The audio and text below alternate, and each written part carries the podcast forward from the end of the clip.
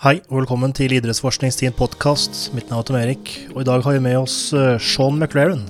Sean er eh, idrettsforsker og fysisk trener ved en eh, rugbyklubb ved navn Newcastle Falcons. I tillegg til å være en fysisk trener, så forsker Sean en del på dette med RPE og subjektive målinger av intensitet, som også blir hovedtema i dagens episode. Rate of perceived exertion, eller opplevd anstrengelse hva er det, hvordan brukes det, og er det egentlig brukendes til noe som helst eh, utenfor sykliske utholdenhetsidretter som løping og sykling? Kan det brukes innenfor lagidretter som fotball, rugby, og hva med styrketrening? Hvor god overføringsverdi er det fra RP til å måle intensitet, eller subjektiv intensitet, i styrketrening? I senere tid så har det også blitt introdusert eh, emojis, tabeller, eh, skala fra 0 til 10 eller 0 til 100, farger, der rød er tungt og grønt er lett. Er det så lett å smekke på noen eh, fancy farger og emojis, eller har det en negativ effekt på dette med RPE og hvordan det brukes? Følg med og få svar. Og med det så ønsker jeg deg en god lytting. Sean McLaren, welcome to our podcast. Hey Tom, uh, thanks very much. It's good to be on. How's life, or how's everything's going?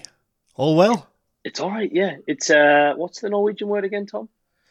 Alt bra, or uh, hvordan går det, or uh, something uh, something I'll, like I'll that? Go with, uh, I'll go with Albra then, because it sounds like All-Bran, and it's easy for me to for me to remember. So Albra. Uh, I should probably probably write that down, yeah, and I can sign off with it as well and pretend that I'm really clever.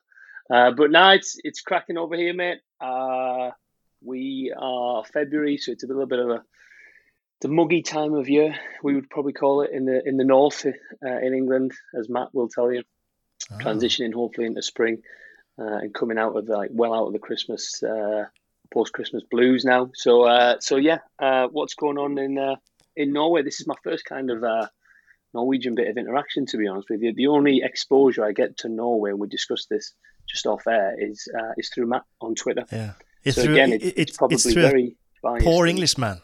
Yeah, yeah.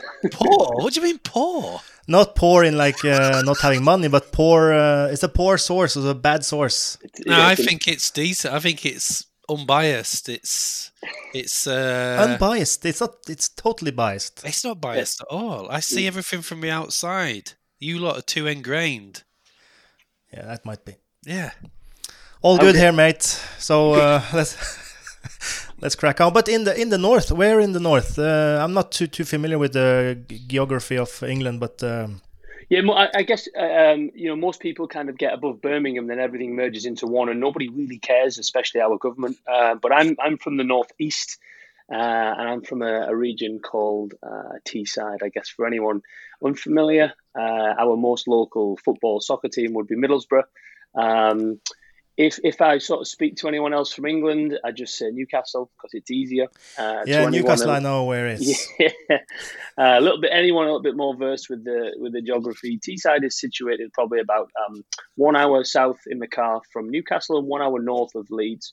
So we're in that kind of just little floaty round sort of half Yorkshire, half Geordie, which is a real weird, uh, weird ah, mix Geordie. when I think about it. But yeah, yeah. So, Where um, specifically? Um, Stockton on Tees. Oh, yeah, yeah. We're, talking like five minutes from from Middlesbrough. So again, I know depends how far you zoom in. If I speak to someone in Stockton, I tell them I'm from Hartford.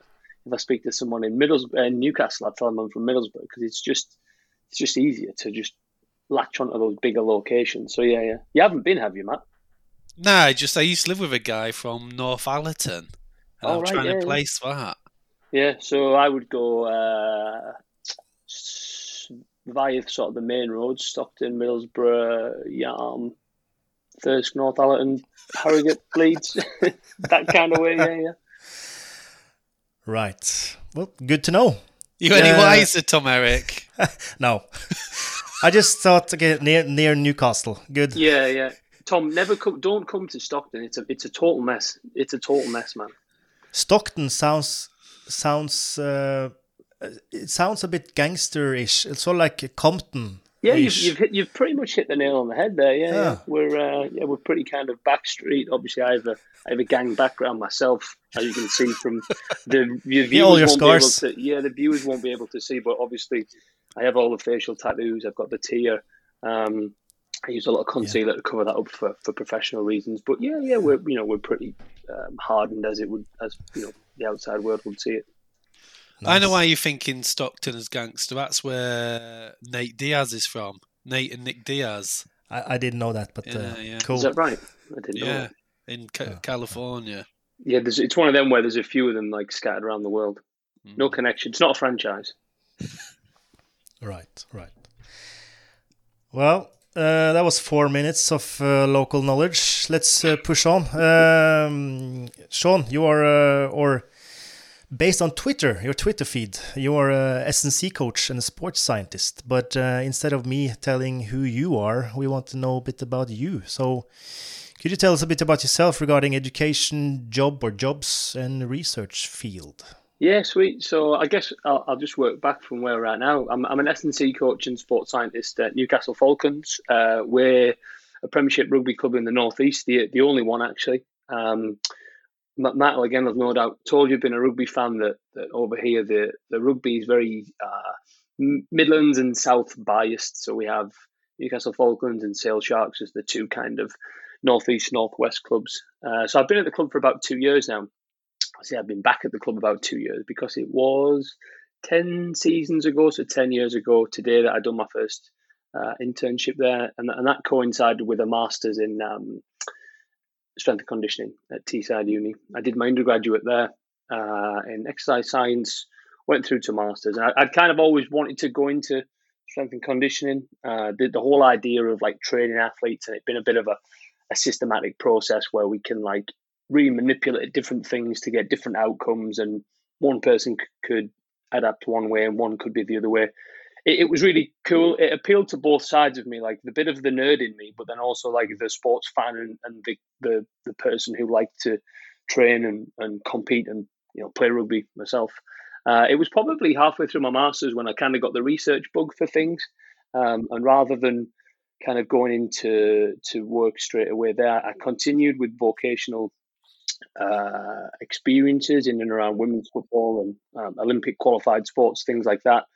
Um, but that's when I, I, started a PhD at Teesside under um, Dr. Matt Weston and Prof. Iain Spears.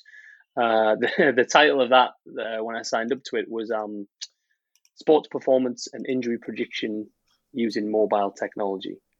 The oh. thesis that ah. got submitted was the application of differential RPE to training monitoring in so, so, like most PhDs, we started trying to do something. We realised we were way off. It was way too complicated, and then we completely veered into other uh, different things. It's kind of like a nice story about about how it all came around as well, I guess. But um, yeah, so d- during my, my, my, later years there, I, I, took on a lead sports scientist role at Nottingham Rugby. Uh, once I finished up at Nottingham, uh, that took me to uh, Hartlepool United, where I worked in football for a little while.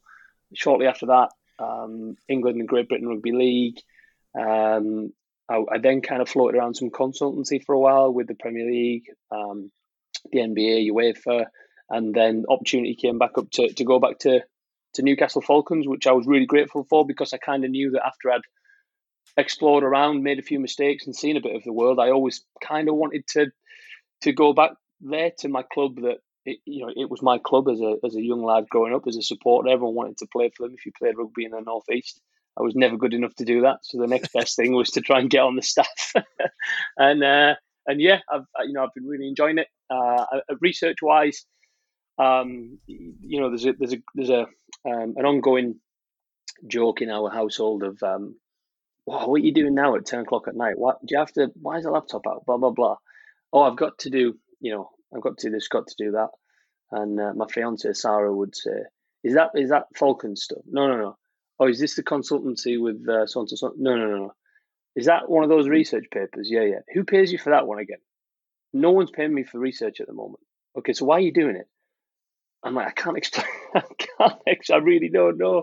It's easier just to stay in than it is to get out, uh, I guess. But no, I mean, jokes aside, uh, I've always been engaged in that research process because since developing that love for it during my masters, it's just always felt so yin to yang. I, I don't think you can operate as a practitioner without research. I think if you do, you're maybe missing a trick, and that's not that's not um, you know engaging in it and doing experimental studies necessarily. It, it could ju- just be um, being kind of very research informed and, and, keeping up to date with literature, which I'd like to think most people do.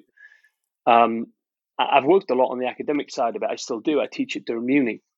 I've taught at uh, University of Technology Sydney, uh, Leeds Beckett, Huddersfield, Newcastle, and I always feel from an with an academic standpoint, um, if you're not practicing, but you're researching and teaching, there's again potentially that that void, or maybe if you haven't, um, it, it's incomplete. The, the sort of circle of, of life as sports science goes is incomplete um, for, for, for, lots of different reasons, really.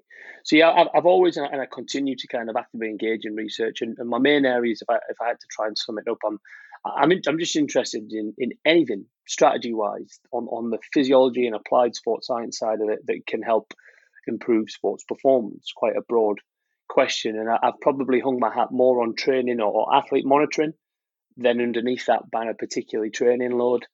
Then underneath that, a, a, particular interest in subjective measures, RPE for training load or subjective measures of training effects. Uh, but I still like to do some, I don't know, what I would probably call uh, more interesting work around like uh, high intensity interval training, you know, how to optimize prescription for that, repeated sprints for team sports. We use it every day. It's, it's for us, it's a huge part of, of what we do. And I, I always have sort of questions around that, trying to dig into it a bit further. But the subjective stuff, I guess, off the back of PhD, has probably been like a primary interest and focus of mine for some for some years now. Yeah. Well, the subjective stuff is really the purpose of this um, conversation, really. Uh, Tom, I don't know. I guess we can't go into too much detail with this proposed project, but Tom, are you thinking about doing something um, around resistance training recovery? And then we were discussing subjective measures, and I was just like, "What are you going to do?" And we just talked about RPE, and then we kind of went down a rabbit hole, really, didn't we, with with RPE? And I was oh. like, "Well, go go watch this uh, presentation on YouTube by Sean." And then I thought, I don't. Why don't you just talk to him and record it, and then we get plenty of plenty of uh, content there. So I don't know where to start. I guess why don't you, within the remit you can to me, I don't know how much detail you're allowed to talk about with like proposed methods. I'm sure it's fine, but why don't you just say what you were thinking, see what Sean thinks, and then I'm just going to do the Homer Simpson and disappear into the bushes. Flow back. Yeah. Uh, well, it's uh, about recovery, uh, and we're going to look at different type of resistance, so traditional versus var variable resistance, and if it has some some different recovery period periods because uh, we have a apparatus called uh, Keiser. It's American, uh, which Keiser, is based yeah. in uh, hydraulics, I think, hydraulic pressure or resistance. No, it's pneumatic, isn't it? Hydraulics oil, pneumatics air. Oh yeah, pneumatic. Yeah, yeah, yeah, yeah, yeah, yeah. Correct. Is, um, this, is this one of those ones where you, the harder you push it, it the harder it will push back at you, and it's concentric only, maybe? It's concentric and not eccentric. Oh, so it, you, both, you like both. push, push, push, and then it would just completely ease off, and then you, is that? No, it's both. Uh, it's, it's both, uh, goes, right. hard uh, both ways, or he, yeah, heavy. Could be heavy. Anyways, um, and just to uh, and you have we have a protocol. It's uh, five times five or five times five RM uh, mm. with uh, four or three four minutes uh, rest between. Uh, so we're just going to use RPE to basically describe the fatiguing protocol. Um, we also talked about using RPE together with RPD, which, which is the discomfort. Who who the listeners don't know. Um, but then uh, Matthew showed me your um, your uh, video about the RPE legs, RPE breathlessness, and RPE uh, resistance training and technique or skill or something. Yeah, technical, yeah. Yeah, and the differentiation between it, and I was like, "Wow, right. This uh, this makes a lot of sense because I was a participant in another project where we did um, we did uh, traditional versus superset or doing the exercises traditionally with mm. one exercise rest between not exercise blah blah blah Uh, we did a superset and just uh, recorded RPE, RPD, uh, paces, uh, exercise enjoyment, blah blah blah. Uh, and I re- all, all, I reported ten, of course, because I was really heavy breathing because it was a nine RM and it was three sets and it was squatting and then lying down and uh, and um, and rowing. Oh, seal must, rows or whatever it's called. You must have really um, pissed someone off to do that protocol, yeah. Tom. Jesus. So I, I had the RPE uh, of 10, but if you would were to ask my legs, RPE legs, I would report 10 because I wasn't feeling. Uh, I was feeling fatigued, but not 10 fatigued. So I was like, right, this needs to happen in this project because the exercise we're using in our recovery project is is squat and leg press. And I think there will be a differentiation between the squat and the leg press because you're using more muscle in the uh, in the squat versus the leg press. You will get more uh, I don't know central RPE in the squat and more local RPE in the um, in the in the leg press. That's just my hypothesis, and mm-hmm. um, which uh, I don't know if I'm uh, onto something here, Sean. I, I think it could be, mate. And just to go back to something that that, that Matthew said, kind of uh, the whole like, oh, we were thinking about using RPE, and then we started reading around it, and then we got into a huge rabbit hole. I'd made a research career out of that. Well, I'm I'm fudging one. I'm trying to. So that's mm-hmm. it's great. It does. I think that's what everyone does. I think with RPE, you go one of two ways. You you you pull the manhole off and you look in and you realize how deep it is, and you go, balls to that. I ain't got time for that. Let's just use mm. something else. Or you go, strap me in, Johnny. I'm going in. And then someone's lowering you down. Your supervisor's lowering you down with the harness, and God, they might let go. And then you're stuck forever. Um, fortunately, I, have got good supervisors. They're still holding on, even though I'm I'm tugging down as much as I possibly can.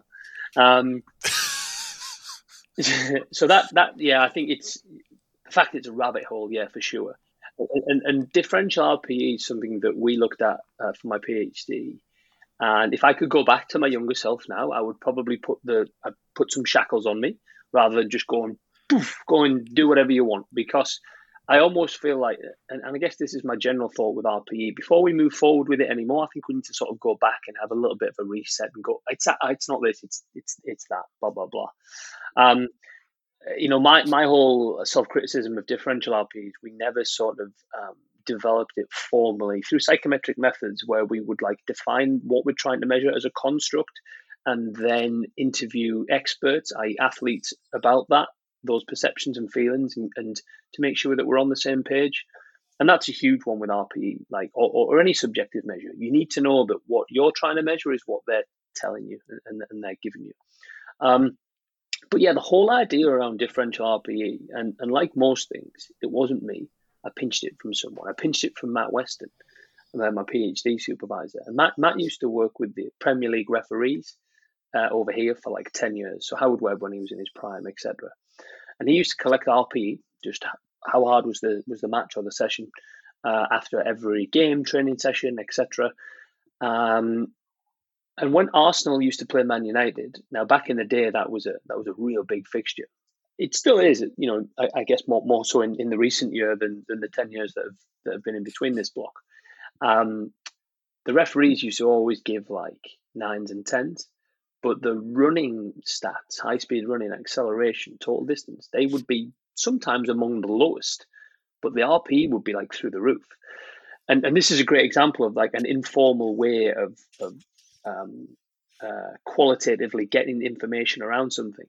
And Matt would say to the ref, he told me he would say to the reps, "Why? Why did you give this so high?" Like, and he was genuinely curious because it doesn't fit that model. More, more external training load and higher internal.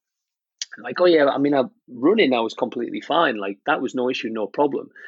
It was the pressure of the of the game, the situation. It was the crowd at Old Trafford, or mm. back then it would have been Highbury. Um, it, it was all just these external stimuli. It was all so intense. They just, when you ask this one question of how hard was that, it's like, well, that was one of the hardest things I've ever done.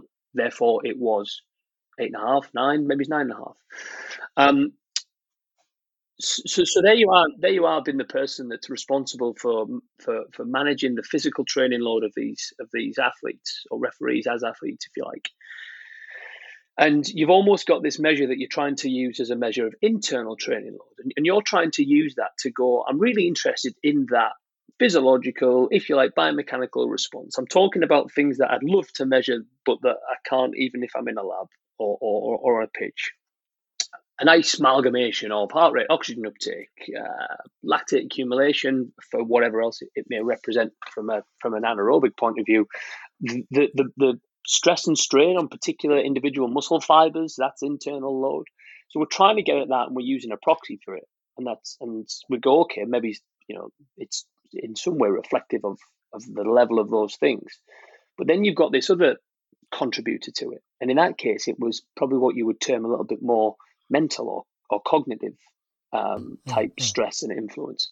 So the first thing that, that Matt started doing was separating his global RPE into physical and he would call it technical. And the physical was defined as how it felt within your body, how it felt to drive the legs, and how it felt to easy hard it was to breathe. Whereas the technical was more about like um, decision making, pressure, uh, grit, frustration, things like this. And so straight away you separate the physical from the technical. That's nice to know, but the other, you know, technical maybe is not maybe it's nice to know, but we're only collecting it to clearly separate it from the physical, which is what we're interested in.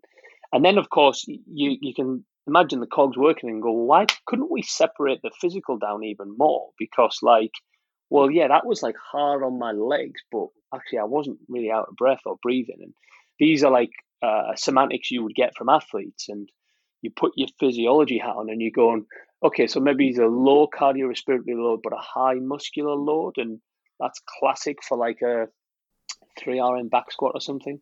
Mm. And then you separate, you know, you completely flip the switch and you go uh, 80% 1RM max reps.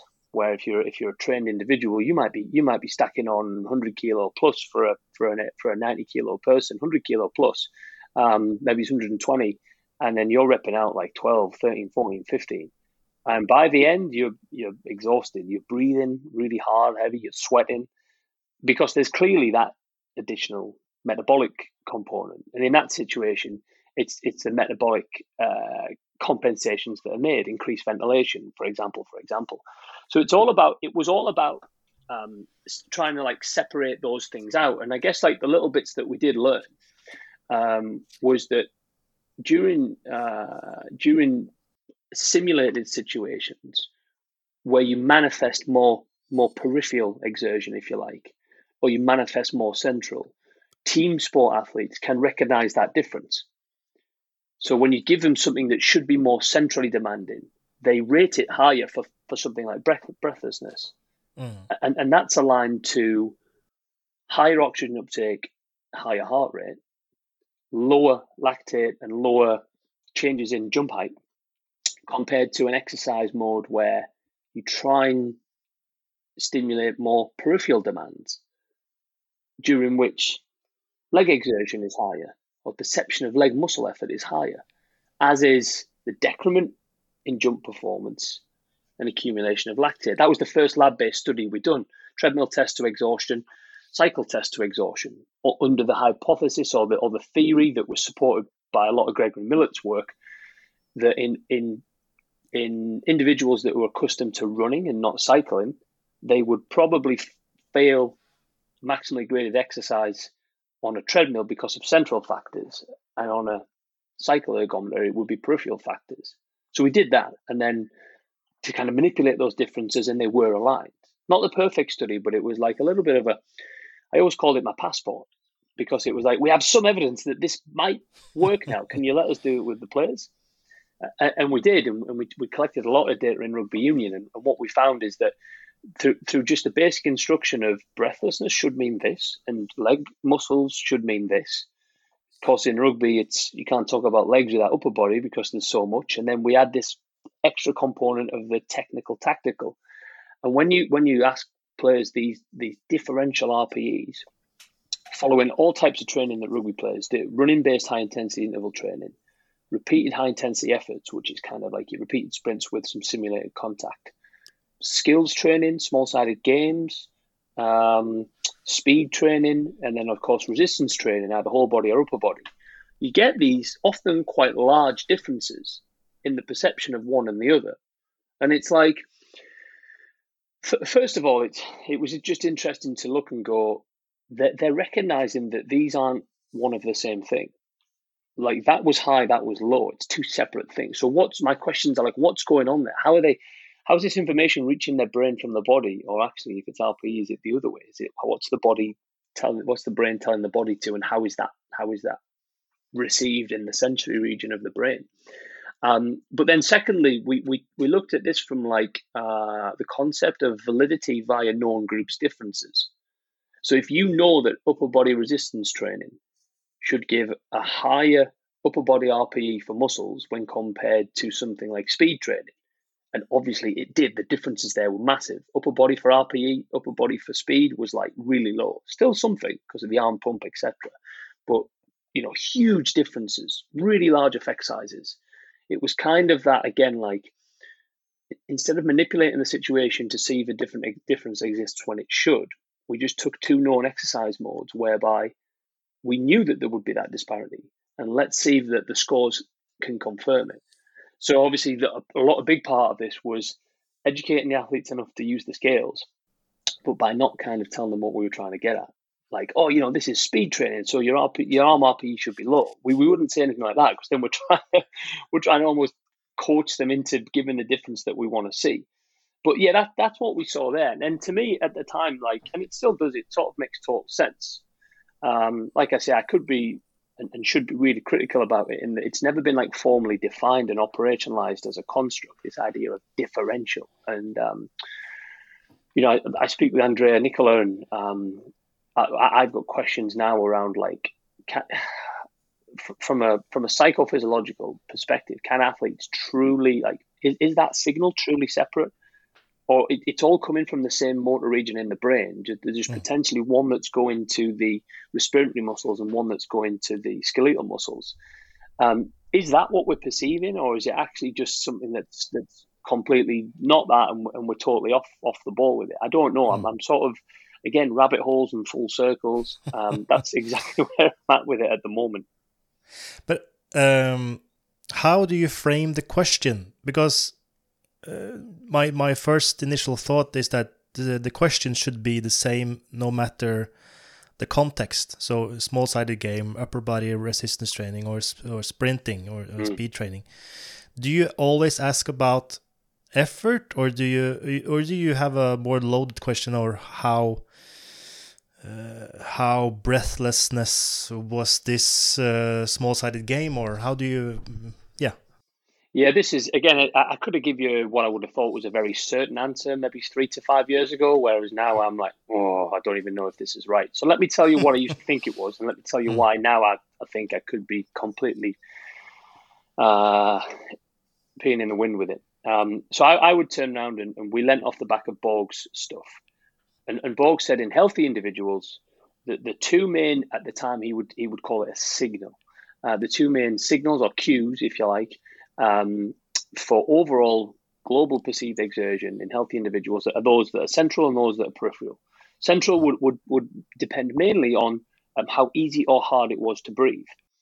Um, and that's because humans are consciously aware of respiration uh, rate and, and the depth of each breath we're not consciously aware of heart rate. That's why we have heart rate monitors. And you know, maybe if you're at if you're at max heart rate, you can feel it coming out your chest. But I couldn't tell you now whether I'm resting here at um, you know 52 or 62. I have no idea. I can't feel it. I could I could maybe have a guess at my respiration rate. You know, because I'm talking. I don't. I basically don't breathe. I just breathe in and go. So mine mine's none.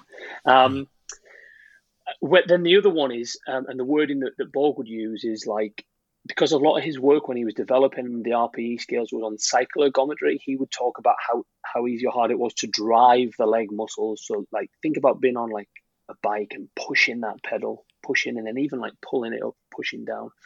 So, we very much lent on that um, in terms of what we would like the reference points we were trying to get people to do. So, we would call it breathlessness RPE and we would call it leg muscle RPE on, on the hope that the labels themselves would be self explanatory.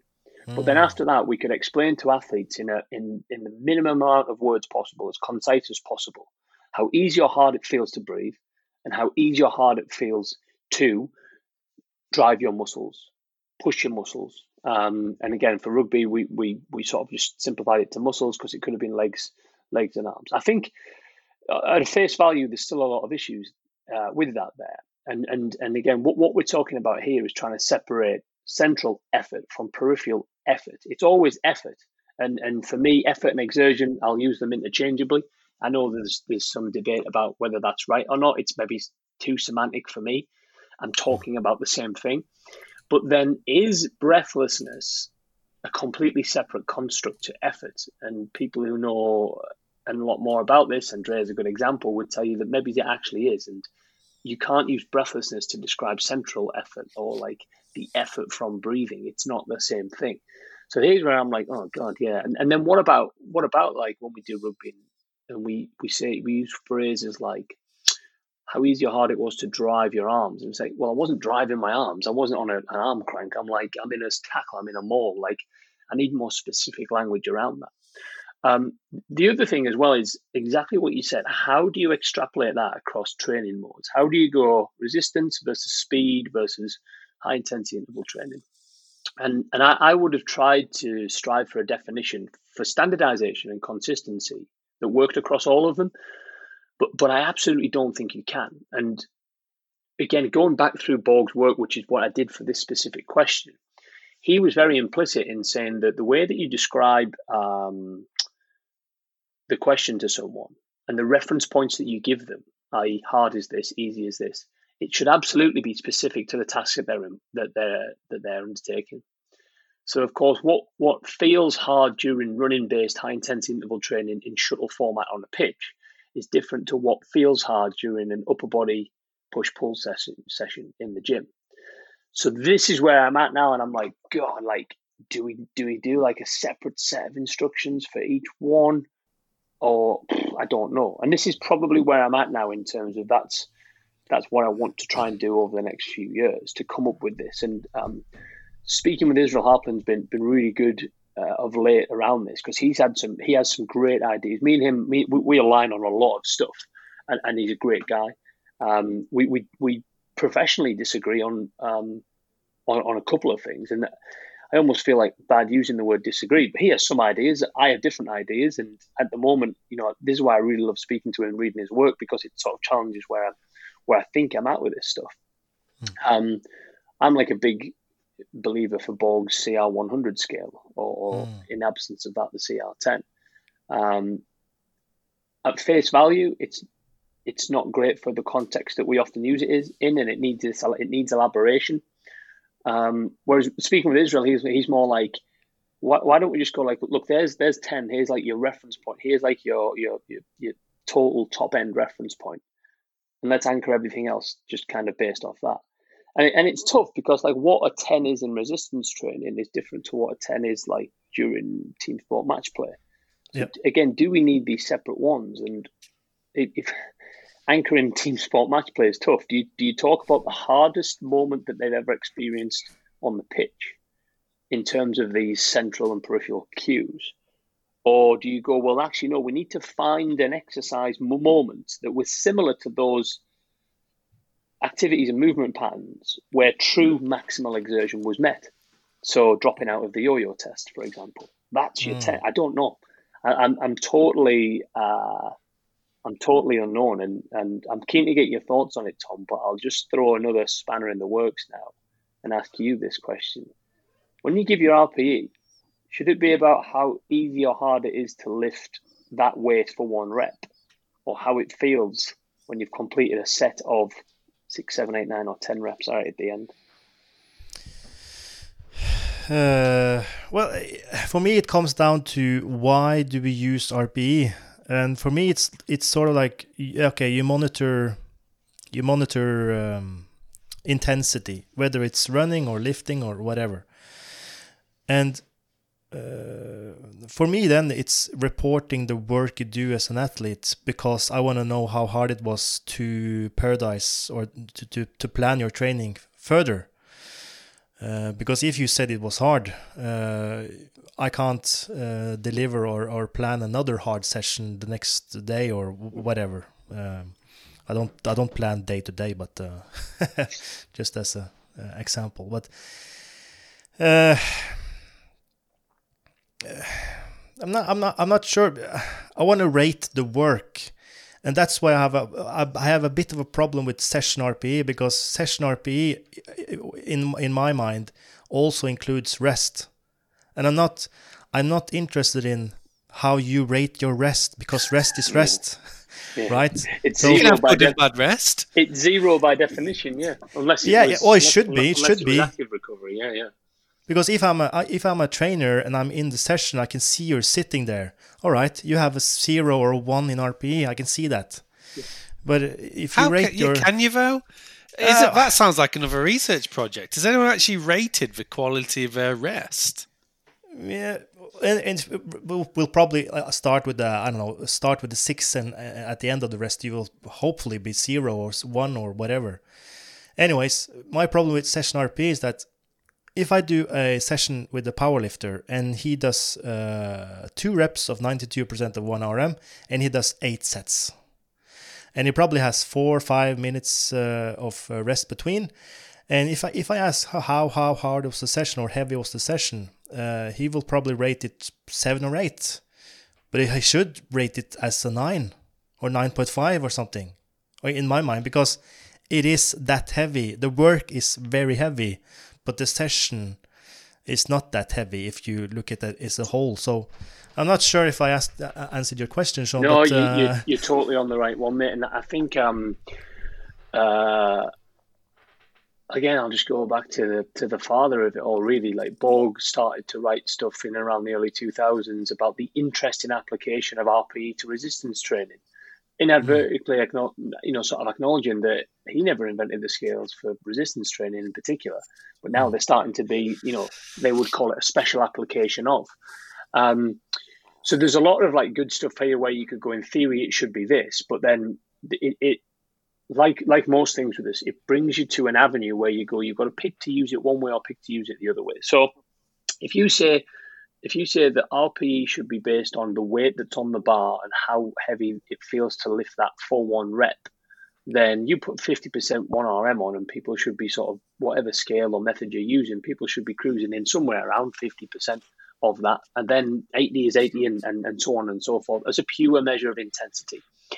If you put any any weight on the bar and ask people to do max reps, then by definition, when they fail, they're at maximum and and that that increases if you put 80% 1rm on someone's back for a back squat and ask them to rep out and then rate every rep it would increase linearly from the initial start point all the way up to the point where they drop off yeah. Hmm. there's there's some that would argue that if you put 40% on and ask someone to do one and then 50% on one and you kept going and kept going that would potentially be a non-linear relationship when it's mm. just hmm. one and this is just because it, it, it's nothing to do with but 80% should be eight and then 90% should be nine. It's actually because of the way that humans perceive stuff. And this is this is kind of anything. It's in that sense, effort is pushing against the load on the bar for one rep. But this could be the brightness of a light. This could be the the loudness of a noise, where you can turn it up in an objective linear fashion.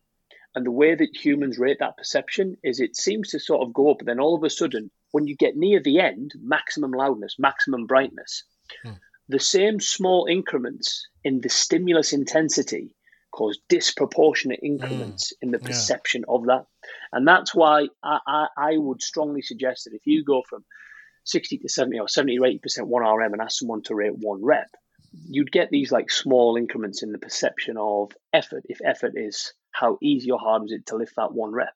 When you go from 85 to 90, 90 to 93, 93 to 95, small, small increments, I think you would get sometimes almost double what you were seeing at the lower scale. And that's where you get this kind of what they would call like a non-linear type response. So it hmm. entirely depends on if you're saying to someone, how heavy is that? How heavy does it feel to lift that that one weight? Or by the time you finish that set of three, five, eight, 10, 12, 15 reps, where was your and, and the latter that we've just described there is probably the exact inverse of the repetitions in reserve um, uh, method. So like I, I put I put a 10 RM weight on my back. I do eight reps. By definition, if I'm looking at a simple one to 10 scale, my RPE should be eight out of 10, and my reps in reserve should be around about two reps left. Mm, mm. Like reps RPE reps in reserve, they, they work they work exactly one flip from the other in that sense, whereby it's easier to judge the closer you are to. I can tell you when I've got one rep left in the tank. I can tell you when I've got two. I might be able to tell you when I've got three. When it gets mm. to four, who might say whether I've got four or five? I, I'm, I'm almost like I don't know. I can't forecast or project it. Mm. Um, but but but uh, in regards to RPE and RER, the the, the example I mentioned, uh, which was ninety two percent, should rate it at nine. But if you do two reps on ninety two percent, that's probably two RER. Maybe you can do a four RM on ninety two percent. That means you should have an rp on eight, which yeah. I disagree on. So and, and and also when it comes to lightweight, why do you disagree for, with that? Because I think I think ninety two percent, and you do a two rep stresses the system more than an eight. In uh, I can't really describe it more than that, but if I'm gonna uh, parod parod parod how the fuck do you say this? I'd you say Norwegian? Parodisere. Periodize. Periodize. Yes, thank you. Paradise. Paradise. Uh, the, the workout or, or, a plan which I do for powerlifting athletes, I need to know uh, how heavy it actually was. And I think 92% two reps isn't an eight. I, or and it's also come down to uh, um, it come down to uh, intended velocity uh, based on the uh, Behm and Sale paper in from 93 uh, actual velocity versus intended velocity. If you intend on lifting the bar as heavy as possible, that might be. Do you mean as fast short, as possible? As fast as possible uh, should maybe produce a high RPE because your effort is high, no matter the weight. So if you lift 40 or 50% of 1 RM, which is a very light load, but you do it as fast as possible, maybe you even jump in a squat, that should be a eight mm. or a nine or 10 RPE, maybe. Yeah, no, I, am Tom. I'm totally with you, and, and this is where when people now uh, we spoke before again, it was off air about like the questions around RPE. There's some questions that uh, for me are just bullshit, and they shouldn't even. It's like it, this is so big of an area. We need to go. What's the stuff that just stop having a conversation about it and focus on the bigger rocks? The stuff that you're speaking about there. These are the important, genuine questions whether we should stick emojis and colors on scales, just just fucking just go back to the, just read some psychology and then get back to us on that one. Whoever, and then we'll then you can enter the conversation. Let's talk about the genuine issues about like if my powerlifter's got ninety two percent of one RM on the bar, and I ask them for their RPE after two reps, they're going to give me an RPE of eight, and that's because they probably had two reps left in the tank. Therefore, their RPE is the inverse of reps in reserve roughly. Mm. Again, this is a bit of like a heuristic little rule of thumb. Um, so therefore, it's eight out of ten. But if that powerlifter lifted that those two reps as fast as they possibly could, intention was fast, actual velocity was slow because it's ninety two percent. Mm. But by definition, how how were you moving your uh, well my, my intent my effort there was 100% it was maximum i give that i give that 100% and and this is again maybe the uh, the difference where some people would talk to it about um, uh, intended versus expected effort and stuff like that. And this is where I think it starts to get really complicated on that. Because if you use the question, how easy or hard was it to lift that at your maximum? Oh, well, it was 8 out of 10. I did lift it at my maximum speed for 92% 1RM, and I found it 8 out of 10. If you reframe the question as um, how much effort did you put into lifting that? oh, it was, it was 10 out of 10, 100%. I couldn't have lifted that weight any faster there. Yeah. So, so very subtle differences in the question. And if you're wanting, if you're wanting to uh, probably have an accurate reflection of what the weight was, I, I would argue you'd always get 10 there. If you're training 80% 1RM and you're like, yeah. do, do four reps, lift them as fast as you can. One, two, three, four. What was your RPE there? As in, um, did you lift all those four reps as maximally as possible? Yeah, I did. I was told to do that. So it's 10.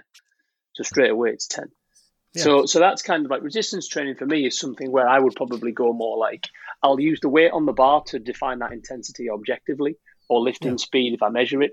But then I would use RPE to more look at um, my proximity to failure to exertion, because if I'm like doing, if we go back to the recovery question, if I'm doing every set and my RPE of how hard was it for that set, if I'm 10, 10, 10, 10, 10 versus 8, 8, 8, 8, 8, it has very different implications for my recovery the next day or how I, even how I auto regulate within the session.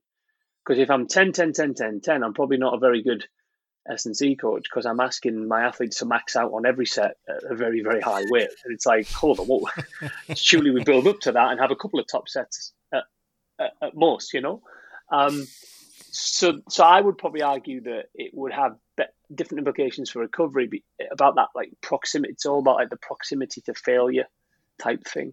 And it's, mm. it's mega interesting. Like when you look at the endurance stuff with this, like uh, there's been studies where they've they've done a, a time trial, um, and people have to like run at ninety five percent velocity at VO two max until exhaustion, um, or they have to they set a, a they set like a, a run speed around about that sort of um, velocity at VO two max, and after five minutes or ten minutes, they ask people their RPE, and then they tell them that they've got ten minutes left, and then they ask them their RPE again, and then, but when they tell them that they've got half an hour left, at the same speed, their RPE is higher.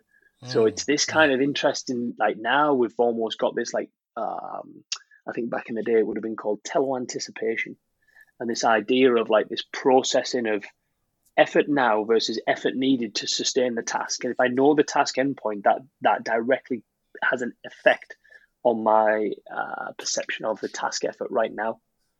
Mm, mm, mm. This must have been. Are you talking about Andy Renfree's work? He must have done some of that. I think Andy would have done it because I, I, I think I first remember reading this from Zig Gibson. And I know oh, yeah, I, am sure yeah. those two have like put heads together on stuff before. Yeah. Um, and, and Andy would have definitely done it in relation to endurance sort of physiology because he has some great work around all this stuff and um, it directly links it, it directly links in with like pacing and stuff like that. Chris Abbiss has done a lot of work in it. I think Jerome Stewart as well.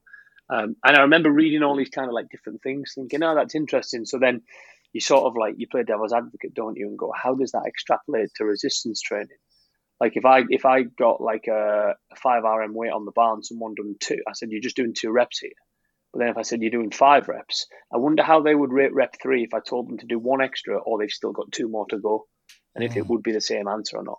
But but a lot like there's an under there's an underpinning theme here of like what people perceive both in terms of what they've got to do and the question that they've been asked and stuff like that. Um, and it can all influence this this response, and that's where it gets difficult with subjective measures because the the exact way that you set up to ask the question, the wording that you use, the, the phrasing that you use, the reference points, what they're what they're visually and verbally exposed to, can influence the, the response. It's response hmm. bias, or at least you can tailor the response to what you want. No, no, I don't want that. I want this. Oh God, what's your RPE? Like you're two minutes into a rest period. What's your RPE? Oh yeah, I'm at five.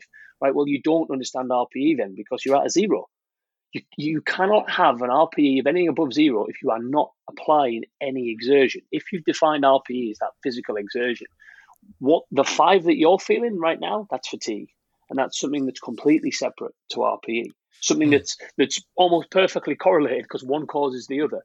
The effort you experience causes the fatigue that you subsequently get from from that task, etc., whatever.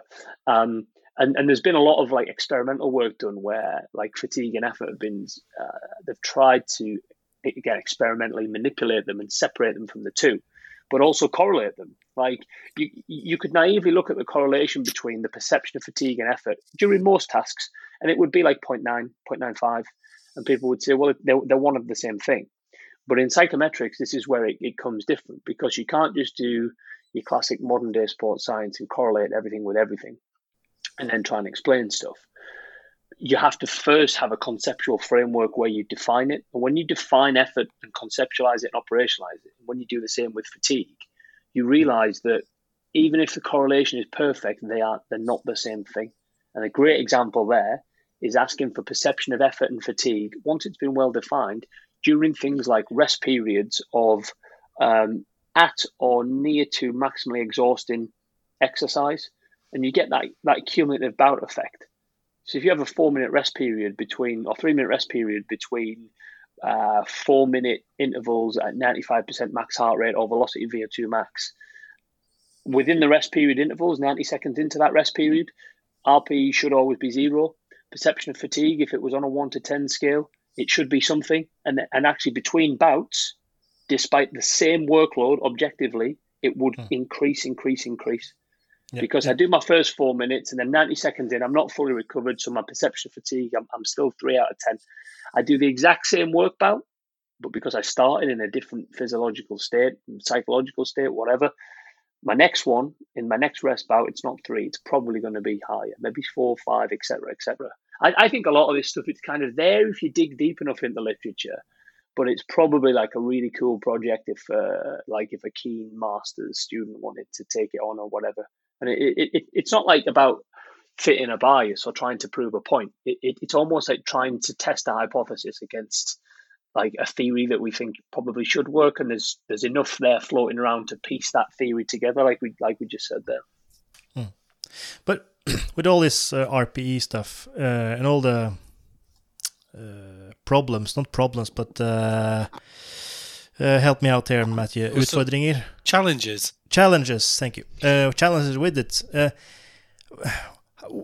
what does RPE inform the coach so if you have if you have done lactate or running speed or you do heart rate, you do uh, relative load uh, percentage of one RM or you do maybe RER, why use RPE? Because it seems like uh, it's it's all over the place and we don't know what we're talking or, or it's sort of like RPE, this philosophical term that uh, people perceive perceive different ways and why use it then? But uh, before you, if I remember, when we did um, the podcast with Olav Aleksander, yeah, did he? This is uh, I don't know if you know the triathlete Kristian Blummenfelt. Yeah, he like mm-hmm. won the Olympics and Ironman in one year. We interviewed his coach, who's very much a scientist. He mm. doesn't really, if I remember, he didn't really have much time for subjective measures. No, he doesn't. Uh, he he always does uh, objective. Uh, Pretty much all the stuff you just listed, right? Every, yeah. Everything but yeah. Yeah. Uh, yeah, yeah, yeah. You, you no, you're to, you're totally right. And um, some people would I sort of say we collect heart rate because of uh, internal load and blah blah blah. We use GPS because of high speed running and blah blah blah. Um, we we use we get we use RPE because it's easy, and that's straight away where I go I don't believe that you understand it as much as you maybe should. Uh, like being really critical because it, it ain't easy. Actually, it, it, it could be one of the hardest outcome measures that you collect. When we mm. think hmm. about all of the, uh, for lack of a better word, effort that would have to go into setting up how, what do we how do we define it how do we tell it to our athletes how do we tell them what it is and what it isn't it's a lot of work we haven't spoke about or we, we've touched on scales but then there's all these other sort of response bias issues like contamination effects, etc., etc. And it's almost like, wow, this is so difficult to get right, very, very challenging to get right. So, so my whole thing would be, if you believe in it and you're prepared to go all in, go for it.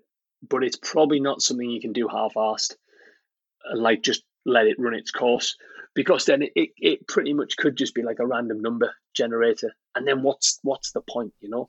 Yeah. Um a lot of people might say well uh, so so let like you've got two camps now. You've got the ones that go ah like i said they've opened the manhole they go nah too deep.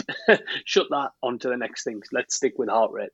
Um but if you're one of the ones that goes, uh, okay, I'm I'm I'm interested, I'm I'm prepared to go the effort, I'm I'm, I'm prepared to go the way. Um, we're not talking about like moving mountains. It's not a big technical operation. We don't need to buy a GPS system and run software, etc. All of our calibration is with the athlete. It's one on one with them, and with the coaches. Um, so then it's like, oh well, I want to collect RPE because I have no other measure of internal load. A lot of people would say that's why I want to do it. Fair, completely genuine, totally get it. But then some other people might say, I want to collect RPE because I think it gives us something a little bit different. We've already got heart rate, and that's fine, but I think we've got something special here, something that done right on its own gives us a measure of something that nothing else that we have could could give that. So try and think about it from like a really objective sort of point of view. We we mitigate and minimize all these response bias issues. The athletes that we're working with fully understand the question and what we're asking them for. And then actually now can we can we maybe get at some of these things that we can't measure, like um, internal load of the musculoskeletal system like incredibly difficult to do and to get at. And that's maybe for me where it would tell you like something else. Um, the the other thing with that as well is there's always going to be this influence of like a psychological component, and you're never going to get away from that, even when you try and mitigate it. And and I think that's fine. So if someone is physically fatigued, and some or someone is mentally fatigued, um, genuine things that in sport we need to account for in our planning, programming, athlete management they could potentially pick that up in, in, in their RPE and you could start to detect sort of differences, changes, trends that are unusual. Whereas in heart rate, you, you or again, there's another internal load measure. Without RPE, I would I would question whether you potentially could or would do that. So I rock up and I go, yeah, I feel I don't feel too bad. I feel okay. It's the morning. I just feel like I do every single morning. And then I exercise and I'm like, oh, that was really hard. Um, but actually, based on how I normally respond to that exercise mode, I'm giving like sixes and sevens, and I've done this for two or three weeks now. And I'm normally fours and fives. The team are normally threes and fours. Hmm. So all of a sudden, this is where we're starting to see this disconnect. And it comes to a lot of what we spoke about previously is what are we actually measuring and why? What we're speaking about now is maybe, again, as long as we're not breaking a lot of rules, we don't need to know why that RPE is different. And actually, at that point, is the athlete talking about RPE or fatigue? Again, back to the beginning, we absolutely try and say fatigue is this, RPE is that. There'll be situations where you can't separate it, and that's fine because then it might help you just detect this little signal that otherwise your GPS data or your lactate or your heart rate wouldn't have been able to detect.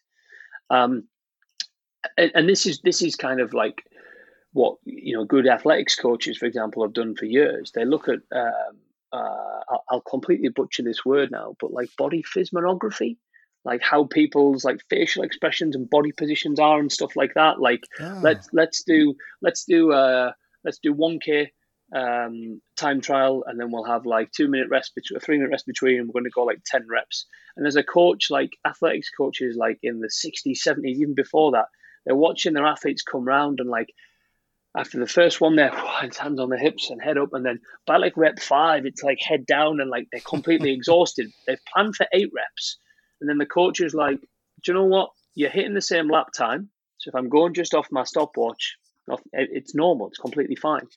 But I'm interpreting your body language that is a result of what's happening in your brain and your body. And actually, I'm gonna I'm gonna cut it short today. Yeah. So I guess the posh word we would call that now again is auto regulation but that comes from the coach's perception and not. So we're, we're talking about things that have actually been done for maybe a century or more now, and all we're trying to do is be a bit more, a little bit more standardized and robust with the methods of it, if that makes sense. So, would you then say that RPE RPE has its place, but more for the uh, mental state of the athlete, and not not not not much of the uh, internal measures of the body in terms of heart rate and and so on? No, I mean I would you know I, I I'd completely uh, lean on the fact that you can look at studies and meta analyses to so to show that when it's collected in controlled settings, it correlates very highly with oxygen uptake, ventilation, lactate, muscle electrical activity. It tracks well with external load measures, so higher RPE associated with higher volume load in the gym um, high speed running distance impacts total distance in team sports. And, and I would then go, that's enough for me to go, let, let, let me try and really identify and define it to my athletes as, as that. What do you mean, how easy or hard? Well, I'm thinking about the physical signs in your body. I'm thinking about how easy or hard it was to breathe or drive your leg muscles. I want that's what I want to measure in some way. And and mm. the hmm. proxy indicator I've got this is your perception of that because I think that I think that not only because of what it should be associated to, but because of the, the psychophysiological theory, it's probably reflective of the magnitude of someone's central motor command to the respiratory and leg muscles. I think it's well supported that actually, if I if I believe I'm measuring it right, when I'm seeing RPE go up, I think these other things are probably going up, depending on the context. Mm. Like if I'm asking overall RPE and it's after three sets of squats, I know that that's probably more muscular rather than uh, sorry three reps maxed out and not 15 reps max out. Whereas that then probably that perception is going to be influenced by its kind of peripheral failure when someone can't do any more squats at 15 reps. But then there's a, going to be a high metabolic and respiratory compensation that will influence RPE in that sense. So you've got to you've got to use a bit of context to interpret it. But for sure, it's go, it's going to be detective of um, certain situations where fatigue manifests. But that's like that's the same as heart rate as well. That's why people use submaximal fitness tests. Because if you have a really high training load and you test people on a submax test on a Monday, so we get team sport athletes and they run the first four minutes of the yo yo or they run 12 kilometers an hour for four minutes and we measure heart rate in the last minute. Team athlete, 85% max heart rate, no problem. If you then train them for three days and test them again, by the end of the week, their heart rate will have probably dropped, I would say. They might be 85% now. So you go, you look at your face value theory on that and you go, lower heart rate to the same workload equals fitter. Great job, we got fitter. Not since Monday, you never. No way. Because also a stress response, a stress response to training, among many other things, is acute plasma volume expansion, which, mm. when that happens, would suppress heart rate. But what's happened now is we've got total suppression of heart rate. My max heart rate's no longer 200. I've probably dropped my capacity down by six beats a minute. Look at look at Iñigo Mujika and Jan, all Jan Lemer's work. And we, we, we, we've done a bit of work in submaximal fitness testing, and this is, we see this classically, like this, this immediate response to to acute training where, where fatigue is induced, even objectively, when things like creatine kinase and urea and what have you change in, in the favor of fatigue, we get this short term suppression of heart rate. Heart rate goes down but it's not because the internal demands are truly lower. It's because the fatigue is influencing the way the body's responding to that. So then you've got two situations where some people might go, oh, I use heart rate, it's objective because RPE, I want to measure internal load. But if someone's fatigued, they give me a higher RPE. But then you could say the same about heart rate. If someone's acutely fatigued, they would have a lower heart rate to the same workload and therefore a lower total training load. Mm. Oh, well, they ran more, they ran the same in Thursday's small sided game as they did to Tuesday, but their training load was lower we must be priming towards, we must be getting fit, we must be peaking. No, no, you, could, you could potentially be fatigued because of that suppressed physiological response, mm. parasympathetic overdrive, whatever, I don't know. Um, so I think a lot of people sometimes they bash it, and it's an easy bash to go RPE shit because people can lie to you.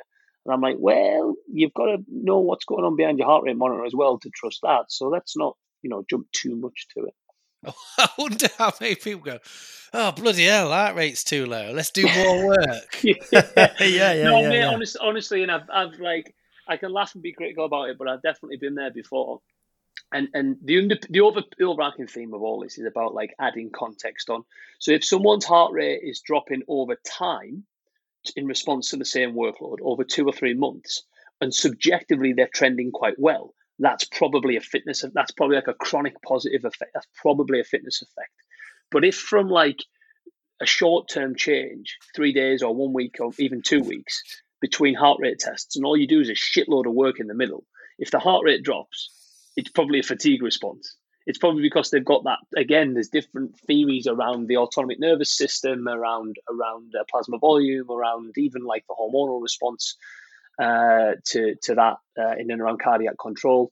Um, but I've done it so many so many times. Uh, but we we saw this in like multiple studies with like the Brisbane Broncos, with uh, the German Badminton Association. When you when you purposely induce fatigue, i.e., you train people in a preseason or or in a camp, and you look at those physiological changes, in particular heart rate Monday to Friday, uh, it, it drops down in a submax test.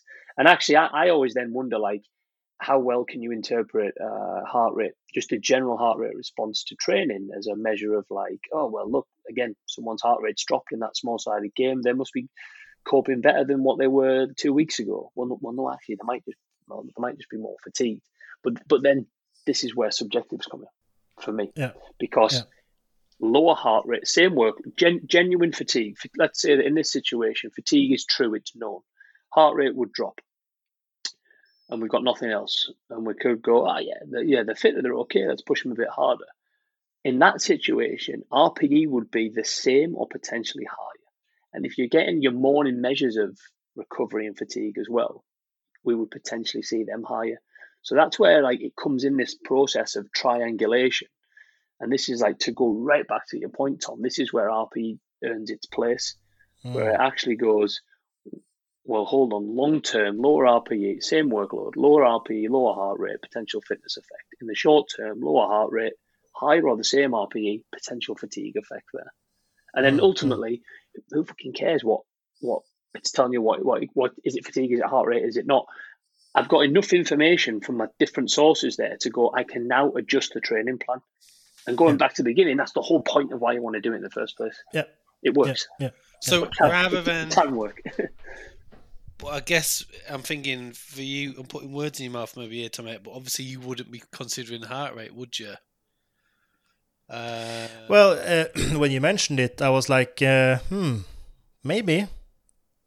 Because it's a easy, practical thing to just slap on a belt and uh, measure heart rate. Just, but then again, the do you measure the peak study? or do you measure the average? Is that is this for the powerlifting study? Yeah, the the recovery study. So, and what's the exercise stimulus again? Uh, squat and leg press, or the um, leg press variable resistance, leg press traditional resistance, squat traditional resistance and then it's the recovery time course over like 12 24 uh, 48 72 uh, hours uh, we do a right after six hours 24 and 48 hours got you yeah yeah so i guess like your role in rpe there is to try and quantify um, the intensity or, or it's to try and quantify the resistance training load whereas for the stuff in the day after that's like your response to that resistance training load. Yeah, but we're not we're not thinking about using RPE in the in the recovery period. Yeah, that's uh, yeah, that's true, true. We're using the well-being uh, scheme from a, Mac, a McLean paper, 2010 or 2011. Yeah, and we're using um, what else we? I think that's the only subjective measure we have on recovery, and all all other things are just. Uh, more uh, objective tests, jump height, and so on. Got you. I, I, what I would say there, then, in my opinion, is when you measure RPE, measure it after every set. And yeah. I would probably ask people how they felt at the at, just after they finished the final rep. How was that set on the whole? And use yeah. that to quantify the the set, and it's it's going to tell you a bit more about their proximity to failure. Use the actual weight on the bar as the objective measure to go. Well, that was the actual load, but this mm. was the this was the internal response to the load for X amount of reps. Mm. I, I, definitely do it like that. You could potentially uh, mitigate, like get them to really focus on that muscular effort by defining RPE as like exclusively how easy or hard it was to drive your leg muscles during the leg press or the squat. Forget about yeah, because the, we were planning on using the um, uh, your question number two in your 2017 paper on the leg muscle exertion leg muscle exertion, for yeah. not for the session but for the set for the set yeah yeah yeah for the set but also for the session i just want to see if it's as a whole yeah as a whole as a whole so yeah so both set rp and session rp so what we, we've we started to play around just just really like exploratory with like intra session rpe because we have these issues that that uh, oh. you've exactly said, where like the density of the session matters. If I do a thousand high speed running meters in a team sport session, if that happens in 20 minutes versus if it happens in an hour, my mm. RPE is very different because of the recovery between bouts, etc., etc. So we've we've thought about like what what if we quantify the RPE for every drill that was completed in the session, and rather than then just get a session RPE which is meant to be an average of everything that happened in the hour, we'd go a session RPE for the warm up, and then the small sided games, and then the running based conditioning. Mm. And actually, we'd take the average, and that's the session RPE. It would be the weighted oh, average right. because if you're oh, right. if you're running if your small sided games is twice as long as your running based conditioning, but that's a five and that's a nine. It shouldn't be. Well, I'll use easy numbers. If that's a so yeah, if that's a five and that's a nine, the average would be seven. Uh, I think Yeah, I'm trying to use round numbers. Um, but if that was twice as long, the small sided game, the five should have twice as much influence on the average. So you just weight it by time or duration. Hmm. Um, so what you could do there for your session RPE is to what you could use or compare is you could go an RPE after every single set. And then at the end, the average of all of those should be your session RPE, but you could also ask them as well and then compare the difference between the two. Yeah, because I think that's going to be a difference. Yeah, yeah, 100%. And I think uh, the one at uh, the end is going to be lower. Yeah. Yeah. Yeah, yeah, yeah. Which, yeah, yeah. which proves the fallacy in like, oh, RPE for resistance training. Should we just get people to put an RPE at the end of every exercise for the exercise as a whole, and we'll add them up? Maybe, maybe because we cut out some of the fluff and, and what have you in the middle. I don't know. Um, but yeah, I think I think for your study, Tom, I definitely go that way and just really focus on that. Like, do you definitely want it to be the perception of leg effort? And, and for me, there I would go squatting. Internal load is the musculoskeletal demands on the legs and, and other associated muscles. It's, it's the stress strain, it's their ability to sort of deal with force, you know, during the exercise, etc. And that's what I want to measure. So I'll, I'll refine the question to focus on that. And I'll ask them the question at the end of the set, how, how did that, how, how is it right now at the end of the set, taking that set as a whole, not the first rep, but right now is the last rep. And yep. if they've got a if they lift eight reps, but they had ten reps in the tank, they're going to give you an RP from eight, eight out of ten. So it's giving you this slightly little bit of different information about what how they responded to the whole set. For for the recovery stuff afterwards, for the um, McLean questionnaire, um, I just cut out some of the bullshit like stress and mood and sleep. Um, and Aaron Coutts was Aaron Coutts was on that paper, and, and actually Blake as well, and they would even say to you now, yeah, some of that maybe it's not. Uh, um, because oh. that this is where a lot of the criticisms have came around it. Like, what is like like resistance trait? Like, what what where's the what's the causal mechanism between the squats I did yesterday and my mood right now? It's not a straight line. There's so many other things that influence my mood. Yeah, I was in a great mood this morning. Then you guys dragged me on this podcast, and now I'm like, oh my god, my. Now you're in a better mood. um, do you know what I mean? So again, go back yeah. to the go back to the process. I tried to speak about this what, what do I want? What do I want to measure? Recovery. I want to measure the physical or the physiological, physical uh, responses to the, to that squatting and leg pressing that is primarily caused by that exercise and nothing else. And that's mm. why, for me, fatigue in terms of how the body's feeling and recovery should be your bread and butter. And muscle soreness, probably lower limb muscle soreness. Mood, stress, um, sleep quality, I'm not so sure. I, am I'm, I'm really not so sure. I, I, think there's a strong argument for the first three because they're more causally related to the exercise stimulus that you're trying to quantify recovery from, and not necessarily. That's why I would go they're potentially a little bit fluffy.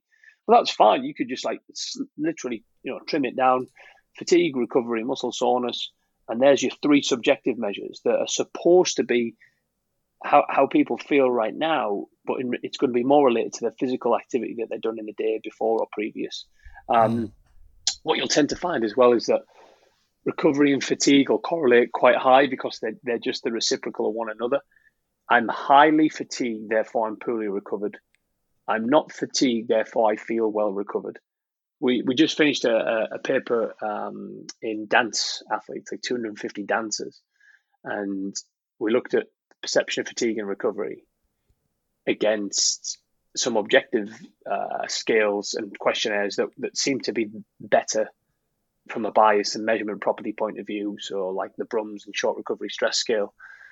And they correlate pretty well with the fatigue component on the established scales versus the single item of fatigue.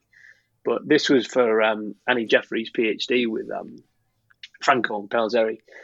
And what they did, they uh, when Annie asked these dancers about their perception of fatigue and recovery, the last question was, "What did you think when you when you give that score of fatigue? What did you think about more, mostly, or when you gave that score of recovery? What did you think about mostly?" And for fatigue, uh, people said uh, about twenty five percent of like responses were sort of um, energy or like lack or availability of of, of energy. Um, but then the second most popular response, which was again was around about 25%, was fatigue. So when you ask people about why they gave you that score for fatigue, they say it's fatigue. It is it's its own thing. Um, for recovery, muscle soreness was also high on that list. For recovery, the second biggest thing that people think about when you ask them about recovery is fatigue. They don't think about recovery as its own implicit thing. Ah, they think yeah. about soreness and energy levels and fatigue and freshness and blah blah blah. So it's kind. I mean, where I'm at with this now is, I you know, if you ask me again a couple of years ago, I'd have went subjective risk, like measures of training effects, perception of fatigue, recovery, muscle soreness. Now I'm almost like, do you need recovery? Given that when you ask people about recovery, they think about fatigue and they're, they're just the inverse of one another. So, yeah, different kettle of fish because we're on about other subjective measures now. But in terms of in terms of the, the study, I guess that's like my concluding remarks of where I think you could probably go with it. And heart rate, I'd leave your heart rate monitor for the for the squats, but maybe get a resting measure of heart rate variability. See if they have higher parasympathetic activation. Don't know. All right, for the all right. Yeah, that's probably where like heart rate comes in with strength athletes, like power Mm. powerlifters and stuff. Because if you're not causing that level of stress, then have you done enough to adapt? That's where I would sort of think about that for strength training type athletes, more as a training effect measure. I'm just thinking about time, Sean. Mm. It's, Yeah. Are you? Do you need to disappear now? Not really. No, I'm. I'm not too bad to be honest with you. It's ten thirty. I've got nothing in the diary. I've just got a little bit of uh, little bit of work to get on with today. But other than that, Well, not I was just thinking too that much.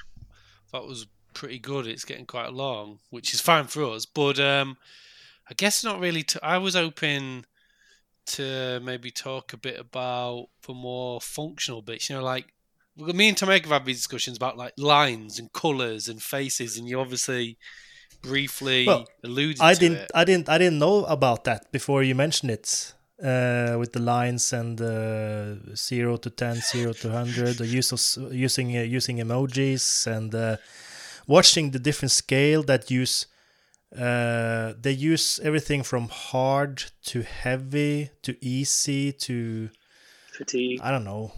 Yeah, yeah, and it, there's no. I was like, oh yeah, there's no consistency in the scale or how you how you how you use it. Like in your paper in the 2017, you you use hard and easy. Yeah.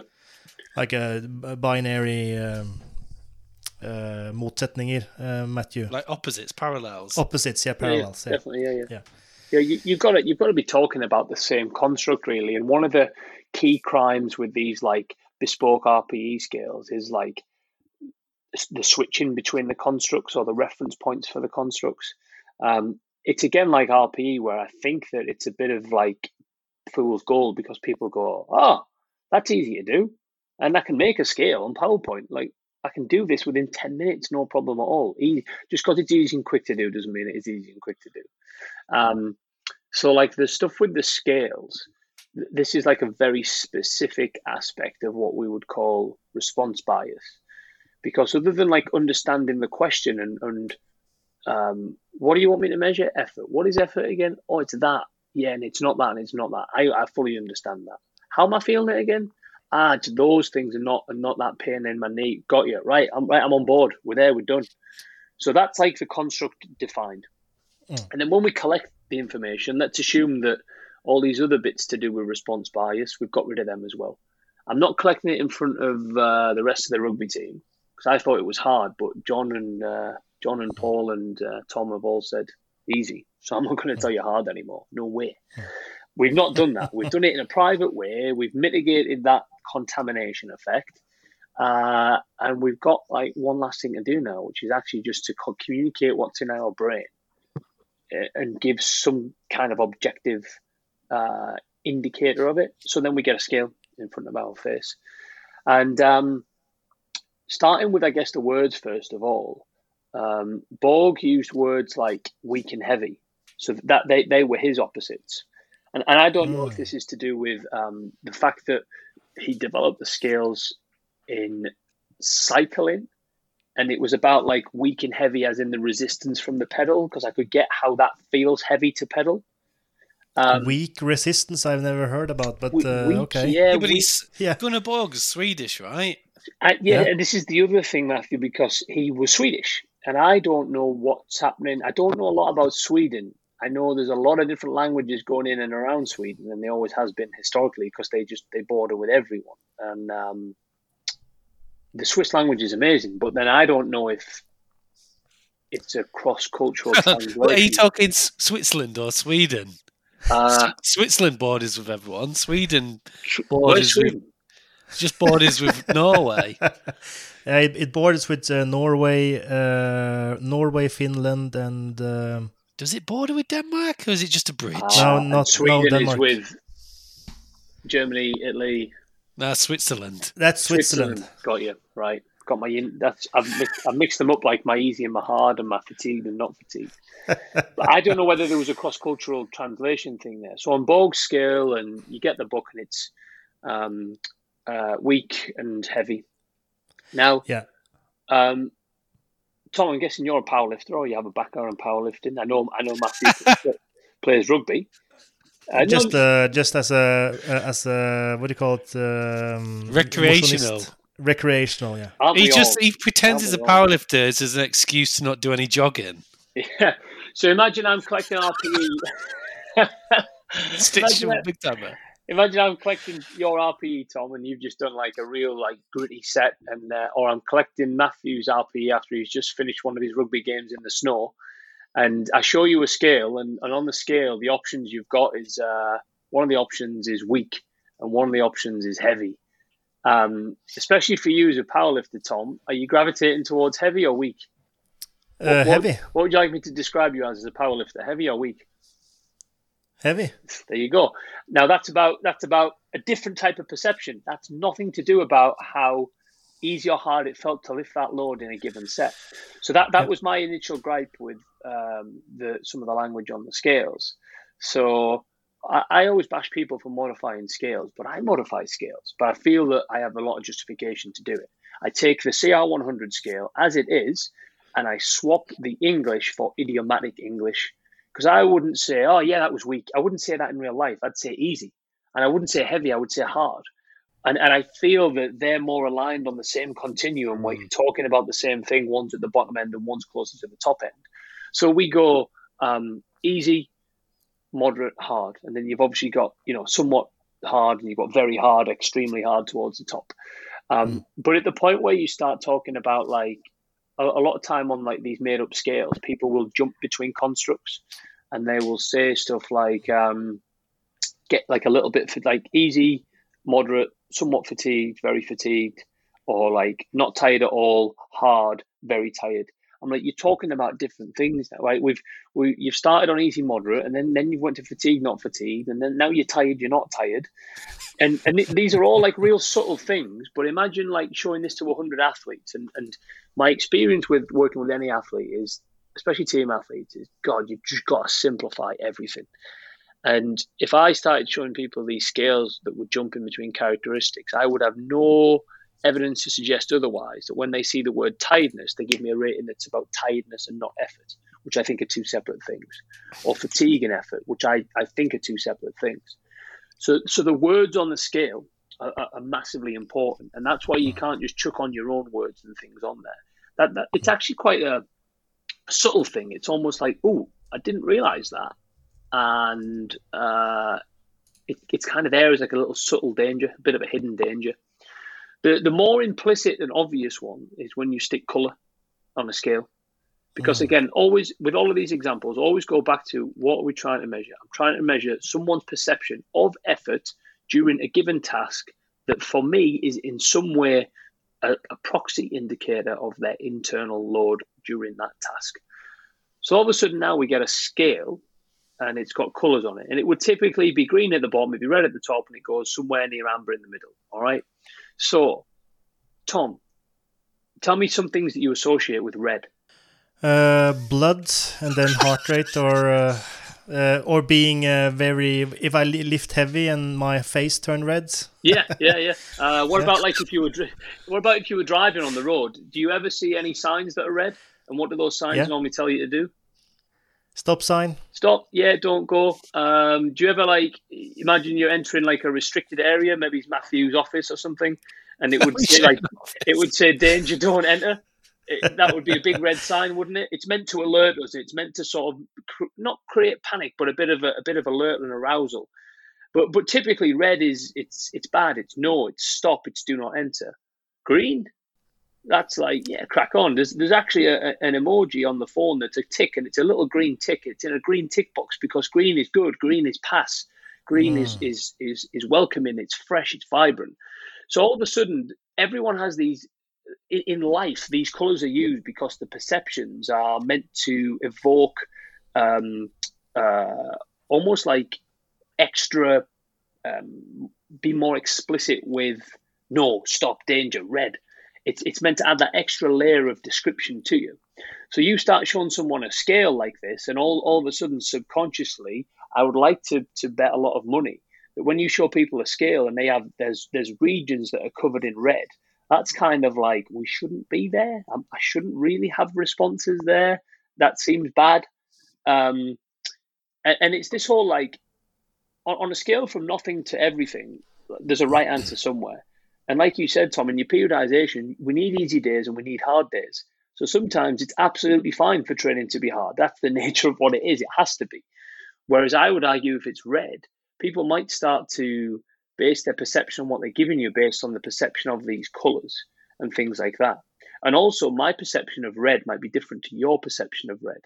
So now it's not only me changing my response because I can see some color, but my response is influenced by the color to a different degree that your response is influenced by the color. Maybe you're colorblind, so you can't even see the color. Straight away, there's an issue there because we're mm. not looking at the same scale anymore. Yeah. Um, the emojis are exactly the same thing. Like your red is your angry face, your sad face, your crying face. But the emojis that you see on scales, again, they're not consistent. It's not just happy, sad. It's happy, disgruntled, sad, crying, annoyed, angry face, angry face with the swearing sensor on the mouth. Like if we talked before about jumping between constructs, emojis are like that. They're built to do that. They're all meant to look aesthetically different. Mm. And everyone has perceptions of what these emojis are. And when I was explaining this to, to someone the other day, I showed them uh, this scale the, the so-called validated one that just came out in JSCR using emojis. Seems to be a big thing going on in Amsterdam at the moment. Oh. There's been two papers. I don't know why. There's been two papers, and they're both from groups in Amsterdam. Um, and I didn't actually know the proper name for. It. I said, "Oh," and they've got this emoji there, and they're like, "Oh, do you mean this emoji?" And I'm like, "No, no, the one that looks like this, not like that one." So straight away, that proved the point. I described an emoji, and they went, "Oh, that's the uh, disgruntled." I went, "No, it's not disgruntled. It's confused." Mm. So mm. we went on emojipedia.com, which is a great website, by the way. And um, we found all the names for these different emojis. And we were like, oh, I always thought that was chocolate ice cream. And it's not, it's poo. Do you know, yeah. do you know what I mean? so, so, so that even proves the point that when people think it's one thing, it's another thing. And how, if you're trying to measure, what we're trying to measure is internal load uh, through effort. The, the mm. tool, the means by which we do that is perception. So try and measure that where your tool has nothing else that can influence someone's perception. And even more semantically, like if you create a scale where it's like, it looks like a table. If you put boxes around stuff, people automatically assume it's a barrier. It means that you can either be seven or eight. You can be three yeah. or you can be four perception shouldn't work like that. It's it should be semi-ratio. It should be it should be continuous. Um, we should but, but be able to get four and a halfs and seven point threes. All these uh, critiques on emojis and uh, scale, bigger scale, and lines and everything is that is it is it is the critique on just the theoret- theoretical level, or does it actually have practical application? Because if you do a randomized crossover design where you give the same exercise protocol but different RPE scales, mm-hmm. uh, good one, bad ones, uh, will they report different RPE? It's that's yeah, it's there to be done. It's there to be done. I think a lot of it ah, is right. like, when it comes to when it comes to uh, like psychometrics and psychophysics, you, you you've got um, validity becomes quite a broad concept, and it's not simply correlating one with the other, but it's also looking at the wider, uh, more experimental aspects of validity, for example. And with this one, it's all about kind of the underpinning conceptual framework. And if that's flawed or not valid, then even if you get a correlation that's whatever, um, it might not evidence validity. And that's because you don't know if you change any of these other little metrics, borders or color or emojis or words, if you would see a response that was due to that or a genuine change in the response itself. But look, mm. the, it, a lot of it of what I'm saying to you now is theoretical. Um, however, you, you don't need to look too far into the psychology literature to look at different perceptions of uh, faces and, and emojis. And the, the, the last paper I read on that was actually on uh, hue, on like color gradient. So different, um, like darker shades of, of uh, black or, or grayness, if you like. So like white's at one end and black's at the other. And, and that influences someone's perception. And going through development and years and years of the Borg scale, kind of Borg went 6 to 20 RPE scale he then realized there was a load of stuff wrong with it, so he made the CR10 scale. And then he then he improved that by making the CR100 scale. Um, and at that point, Elizabeth was, was is working on a lot of it with him as well. One of the earlier versions of the CR100 had like these triangles on the side, and the triangles got bigger and bigger and bigger, pointing up towards the scale. But they also got darker to the point where the bottom triangle was like white and the top mm. one black, just to try and like further link in with this idea of perception and it being sort of non-linear which is completely fine. But then again, it, it potentially introduces that response bias through something that, that you're not trying to measure. So so yeah, when when we like it's back to the point I said when we're talking about like this big area, where should our effort be in terms of our what what should we talk about? What should we try and investigate, etc., etc. These are the genuine areas about like to what extent does it influence that? Because there's so, there's strong enough theory and enough things going on in psychological research to say some people would even argue and say you, you, you don't need a study on that because it's undoubtedly true that someone's perception of something is influenced by how it aesthetically appears, the color of it. Again, mm. I, would probably prefer to be down the route of let's try and test it experimentally and yeah. prove that hypothesis, if you like. Yeah, because I don't, I don't, I see the problems and I see the uh, you know the, the, the the bias and everything, but uh, I'm not sure if it uh, has a practical effect. What? Well, if you give out uh, shit uh, with colors and emojis and uh, using hard and heavy and easy and light or weak, uh, I'm not sure you're going to find a difference. Or I'm not. I'm not sure you're going to find it. It it matter. Yeah, but that's the point Shaun's making. When you look at more broader psychology studies with a much larger sample size and probably better stats when you look at things like facial expression and color gradients and like that's probably one of the reasons why psychologists bash sports science like the lack of all i ever read on twitter is a psychologist hammering sports science for its lack of ecological validity and like so i i know what you're saying but then i think our problem is, as a discipline, we do a lot of this stuff quite poorly. that makes some like spurious conclusion with a sample of like 19 people with probably yeah, poorly constructed stats. Yeah, I, I, agree, and that's a more broadly discussion. But I think uh, a session that should be a 10 will be a 10 no matter RPE uh, scheme. Yeah, but you're now thinking ideally uh, when you know you know firsthand without naming names, people don't think in a logical way. Like just yeah, do yeah. any kind of questionnaire study, you realize people are weirdos. Yeah, that's true. That's I, I, I, would argue you just with all this, you just need to take all the ambiguity out of it and, and give people as much chance as possible. Well, one of the things that first put like put me onto this was um, the the Blanchfield study with Sam Marcora, and this was like probably coming up to ten years ago now. But they looked at the effect of, uh, I think they called them like non-conscious visual cues, um, and then they've done like uh, tasks. I think it was like time to exhaustion tasks and stuff like that.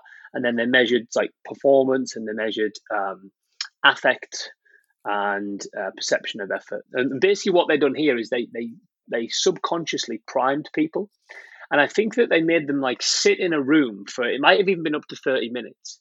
And there was two conditions. One was happy, one was sad. And in the happy condition, for 30 minutes, they made them watch a load of faces of people that were happy. That was it. In the sad, mm. in the sad condition, it was the same people, but they were sad. They were gloomy, and they just mm. looked at it for 30 minutes. And when they went and done the time trial, I can't remember what the actual performance result was, but RPE was higher and affect was lower when they'd watched a load of miserable fuckers for half an hour beforehand. And that was like this was this was um this was about priming. So it was about doing that beforehand, then doing the task. So hmm. again, I'm jumping to conclusions here, but I'm like, I'm then certain as hell that someone's perception of, of a face and the expression on that face can influence not only the perception of effort, but a lot of other things. So then if I stick a scale on and it's got like a sad face on, but people had a, if it's got a happy face on, but people had a high RP, does that make them lower it or vice versa? Yeah, yeah. So that's yeah, where I was like, again, the, ex- the the the the right experimental study to test the hypothesis we're speaking about is absent. But for me, that was close enough to go. They've done enough hard work there, and I'm like, I need something pragmatic to go with here. I'll sort of hang my hat and hang my bet on that. Check that one out. I, am sure it was Blanchfield. I think I think they did about two studies. But yeah, Sam Marcora was on it because this is like it was all part of his kind of work in and around like uh, conscious effort and, and perception of mm. effort and fatigue, things like that. Yeah. Mm, mm, mm.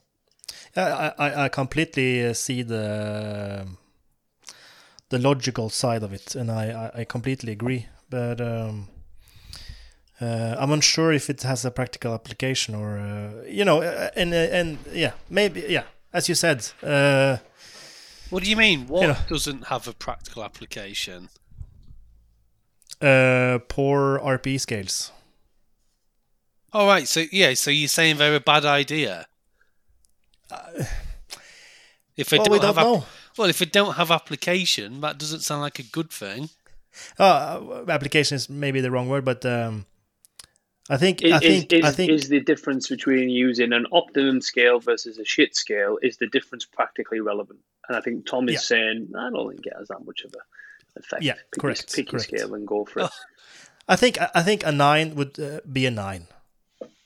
Even it's uh, if if you use a emoji that is sad or angry because you're you're I will be angry when I'm getting nine and running. yeah, yeah. right? The, the, and, uh, the study to be done here, Tom, which would be really interesting, is to have two scales, and one of them is like one to ten, sad, happy to sad, green to red, and then the other one yeah. it's the same numbers, but you completely mix everything up. Like green is angry, but it's on seven and stuff like that. Yeah. And then do like a crossover type trial. I to- I Yeah. support your idea in the fact that I'd love to see that study and or do it. We should do it. Um, for me, the argument always goes when people say, "I don't think it makes a difference between this, that, and the other." I'd say, "Okay, um, potential evidence, but needs to be tested to say why made-up shit RP scales might be shit." Um, Hmm. Evidence to say why they might be better, minimal. Practically, printing a piece of paper, either with Borg scale or a made up scale, difference, minimal. Actually, your made up scale will cost you more because you now need to print in color. Hmm. Um, it depends how many you're printing as well. Um, so it's almost like potential evidence. It, it's not as if it's, I think this is a different question if you go, ah, well, if we want to do it the right way, where all that theory and potential evidence is supporting, it's going to cost us more versus if we do a shit scale. Whether you use one scale or the other, it, it's all going on the same piece of paper or the same app. So I'm almost Yeah. like, why would you leave it up to chance and use a shit scale when even if there is just theory to support why something like Borg CR100 might be better, just use it. And like Yeah. again, like I've read a, I've read a shitload of his work, and I'm like, wow, this took it took this guy forever to get to the point where he did with it. They, they have a 2001 paper about um, a new generation in ratio scaling, where they sum up all of their stuff that got them to the CR100 scale, and how like why they've got a dot at the top, why the difference between those anchors is this big, you know, so really small between moderate and Ah. easy, and then why the others is bigger. Because on, on the CR one- on the CR ten scale, easy, moderate, hard, as categories they're one, two, three, but the difference isn't one, two, three. Easy is uh, uh, three and a half. No, easy is uh, three. Moderate's four. Hard is five. Very hard is seven. So the difference between the anchors like increases. I think it's something. I might be like easy, moderate, hard might be like two, three, and five. So you get Mm. that as one goes up, the other one increases exponentially for the reasons that, that we spoke about. The CR100 is just like that scale on steroids. It's like just a bigger response range to allow people to to not force themselves to give like if you give anyone a scale between one and ten, they'll always give you integer numbers. And actually, it's like buying a heart rate monitor, and it only gives you a session average heart rate rounded to the nearest ten percent. yeah. it'd, be, it'd be shit. Like, yeah. do you know what I mean? Yeah. I'm, I do one session at my first lactate threshold at seventy six, and I do my second session at my lactate threshold at eighty four, and they both round to eighty. Like that's the that's the RPE equivalent of it. Um, so yeah, just like the reason like about why they use certain words and why they're placed in certain positions. and Borg's range model, you have to have it has to start at zero, which is nothing at all. It has to finish at absolute maximum, and that's a that's a point. And there has to be at least seven categories, seven different levels in between, and that's Borg's range model. And again, he sort of he wasn't sat with a fag just thinking, yeah, let's let's use about seven. Like it took him years to come up with this stuff. Whereas I read like all this other bollocks about RPE scales, and they go, "Oh yeah, we stuck an emoji on because it looks really cool," and I'm like, "Yeah, different level of rigor, but you go for it." what a, that's a very polite way of saying what you're doing is garbage. Different level of rigor. I'm going to start using that. Hmm, that's a, that's a different level of rigor. I love that. a different level of rigor. But uh, um, uh, perception I, I, I don't know perception well enough to actually speak about it but i'll, I'll try anyway I, I think perception comes down not comes down to but is based on your own experience with the world uh, broadly mm-hmm. talked about or, or, said when it comes to using rpe with uh, trained versus untrained uh, uh female to male uh, youth with older people mm uh, I don't know if you have any, exp- any experience with it, but uh, uh, does that matter? Or do you, do we do do youth or, or, or adolescents perceive one to hundred uh, the way we adults do because we are used to this one to zero because uh, we uh, or I tend to go on IMDb uh, when uh, rating movies and see the one to ten scale. I'm I'm used to one to ten. I know the you you know the context of it. Yeah, yeah. Yeah, know the context. And we we're used to using a um, dice from one to six. We're used to that higher number is better or higher number is worse or harder or whatever. But if if you uh, ask RPE to a eight year old, would would he or she know know it? I'd argue no. So so therefore, it has massive effects and differences. Like you say, perception is a it's amalgamation. It, it, there's some kind of cognitive processing that's going on. So anything that can influence that cognitive processing um, aspect then can has the potential to have an effect. And you know, people do say that it's less accurate with youth, and I think that's probably supported from a neurophysiological development point of view. That they're, mm. not as developed either in their cognition, uh, their memory and experiences, or even like the, the their actual like nervous system itself, if you like, and, and that brain body connection. Um, God, I remember never getting fatigued. Like no one gets fatigued until you're about fourteen, do you? You don't get fatigued before you hit puberty you just keep running round and running round, and then like the, like, but there's only one level. Like there's one speed, mm. it's on or off. Whereas I think as, as adults we can regulate it, our, our motor output's a bit better. Um, so 100%, I think it's less applicable with youth. I've never actually thought about the other end of the scale and like what happens when you when you're like old and senile and like maybe losing your marbles a bit because then would that influence your perception?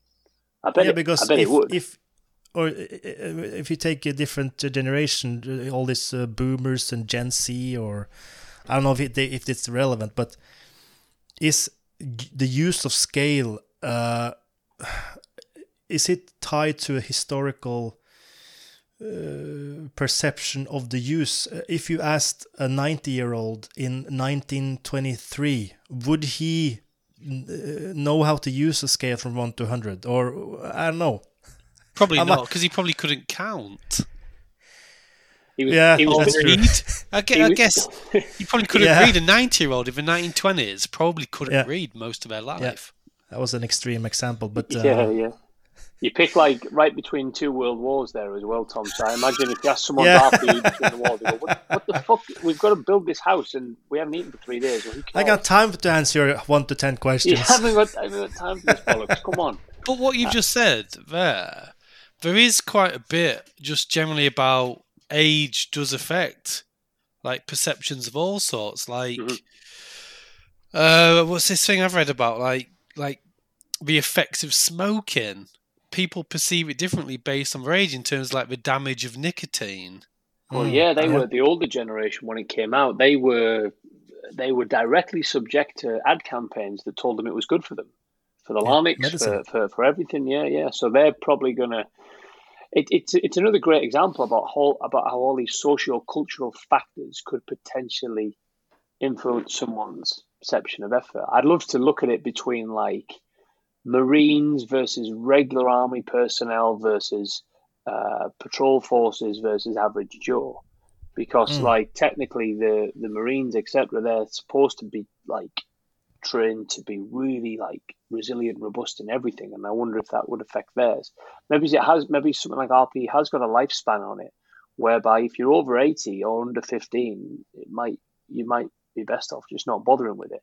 The youth one's interesting because a lot of people work with youth athletes, and we've thought about it enough to go, oh, here's all the here's all the neurobiological reasons why RPE or subjective measures might not be right for youth athletes. No one's thought about it about a 90 year old person because no one's collecting session RPE off someone who's 90 either.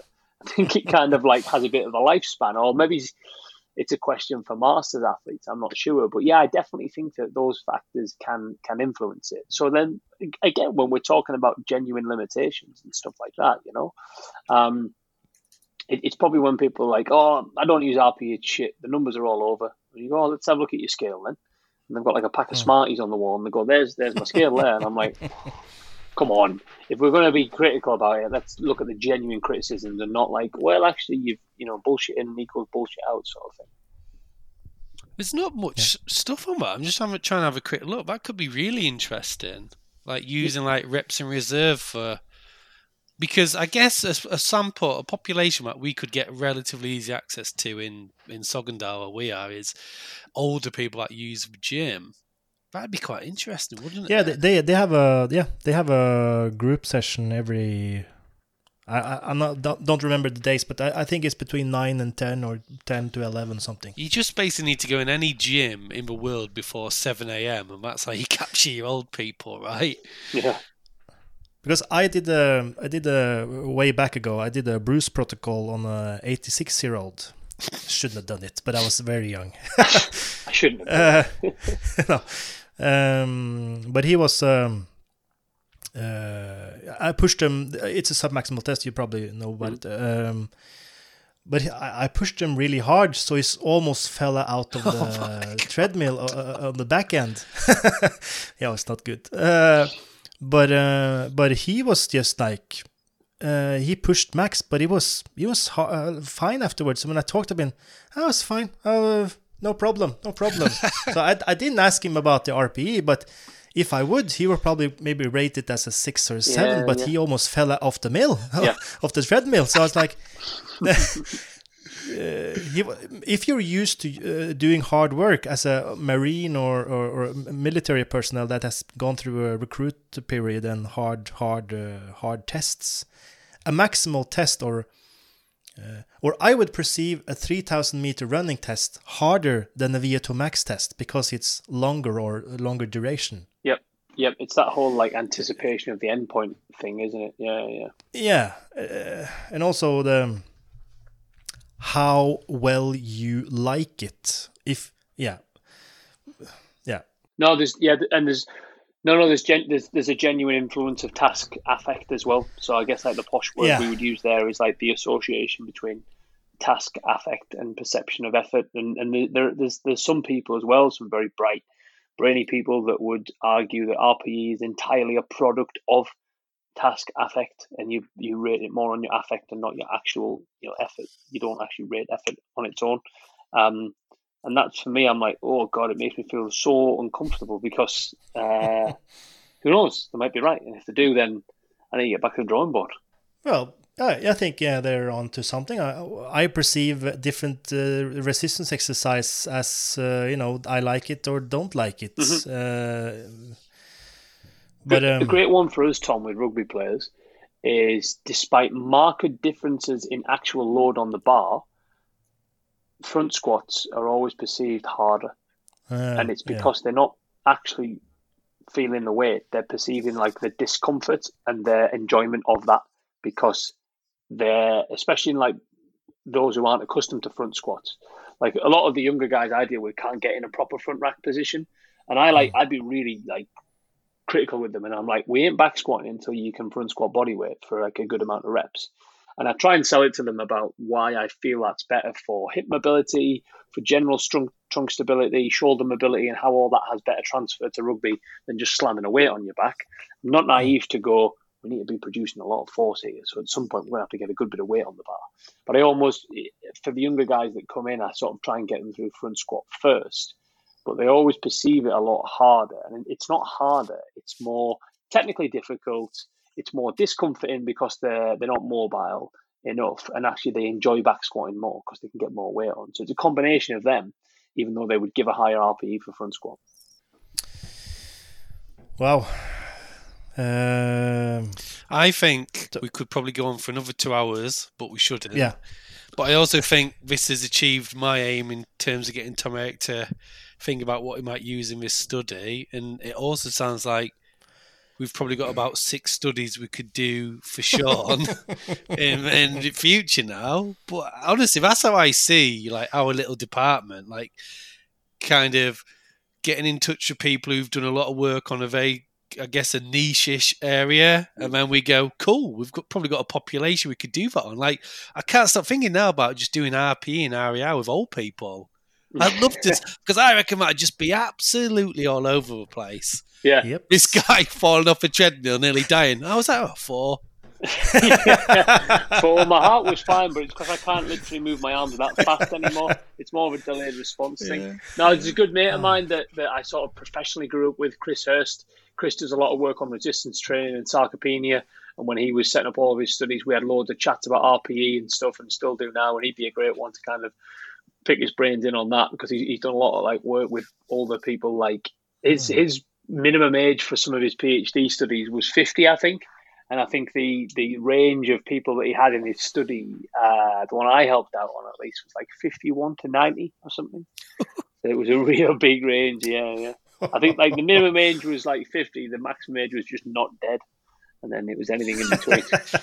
uh, but no, nah, you're right. You're right, mate. There's loads, and um, I, I, probably need to actually try and uh, write down all this stuff. Uh, we've obviously got a lot of work like sat on my desk, and uh, like I say, I'm, because I'm full time in practice now, getting time to write and stuff and get my ideas down is a bit harder. Um, and it's not just like, oh, I've got a day off on Wednesday, I'll do it then, because it takes me a day just to fully get back up to speed with where my ideas were at, where my thoughts are at, where the literature was at. I've got five papers that I need to reread to get up to back to base camp. Um, but I've got a lot of stuff I need to do just about getting these thoughts down. But then after that, there's a lot of questions to be answered, like you said, Tom. Uh, you know, we've we've we've probably spoke about at least five or six different RPE studies that we could do.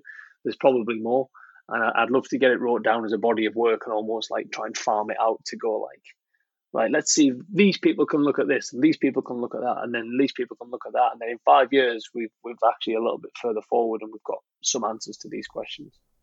Mm. Good. Uh, I think we covered uh, a lot uh, on RPE, but um, as a take-home message, what uh, we discussed RPE and uh, its usage, and uh, I think we landed on it has it is it it has a usage in working with athletes, but you need to do it with a good scale or yeah, good scale. Mm-hmm. but if you were to give uh, the listeners a take-home message, what would it be uh, regarding RPE? I, I would probably say uh, as a way to monitor an athlete's training, to use it as a method. It's harder than you think, and if you're going to do it, be prepared to go all in or or literally just don't bother, and that's fine if you don't want to bother. I probably wouldn't dip your toe in it or go half half because then you could just be dealing with a random number generator.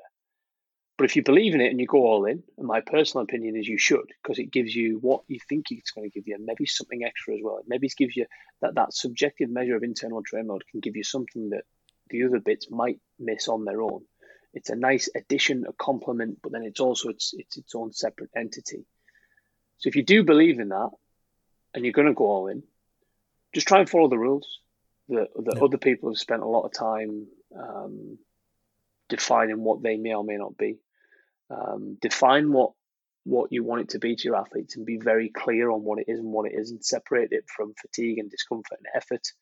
Talk about the processes, maybe separate it and be, be very specific about the physical.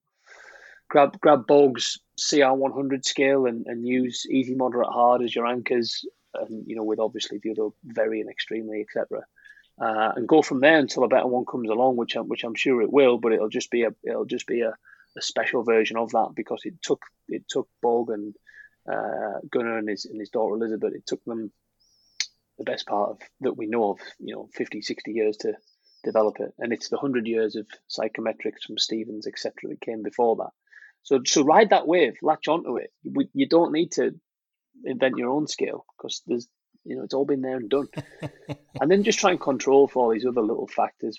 Bear in mind that you're dealing with a perception, and there's a lot of things that can influence someone's perception. So all these other other issues with response bias. You know, don't be collecting it in front of other people. Don't have a sheet on the on the changing room wall where everyone writes their RPE. Don't don't do it in, you know, in earshot of other people. Be consistent with the person because because you know, even all the studies from nursing show that if you ask someone their perception of something like effort or pain, and then you get a male nurse versus a female nurse, everything's lower when the female nurse connects it. And that's fine as long as the female nurse is always collecting it. And this is known in healthcare. So all of these little subtle things that you maybe don't think about, maybe just think about them. Have a little look. Hmm. And again, if you're not prepared to go all in, just do something else. Do something else. nice.